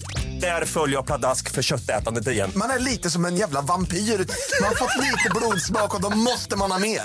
Udda spaningar, fängslande anekdoter och en och annan arg rant. Jag måste ha mitt kaffe på morgonen för annars är jag ingen trevlig människa. Då är du ingen trevlig människa, punkt. Något Kaiko, hör du på Podplay. Därför arkadeinerna.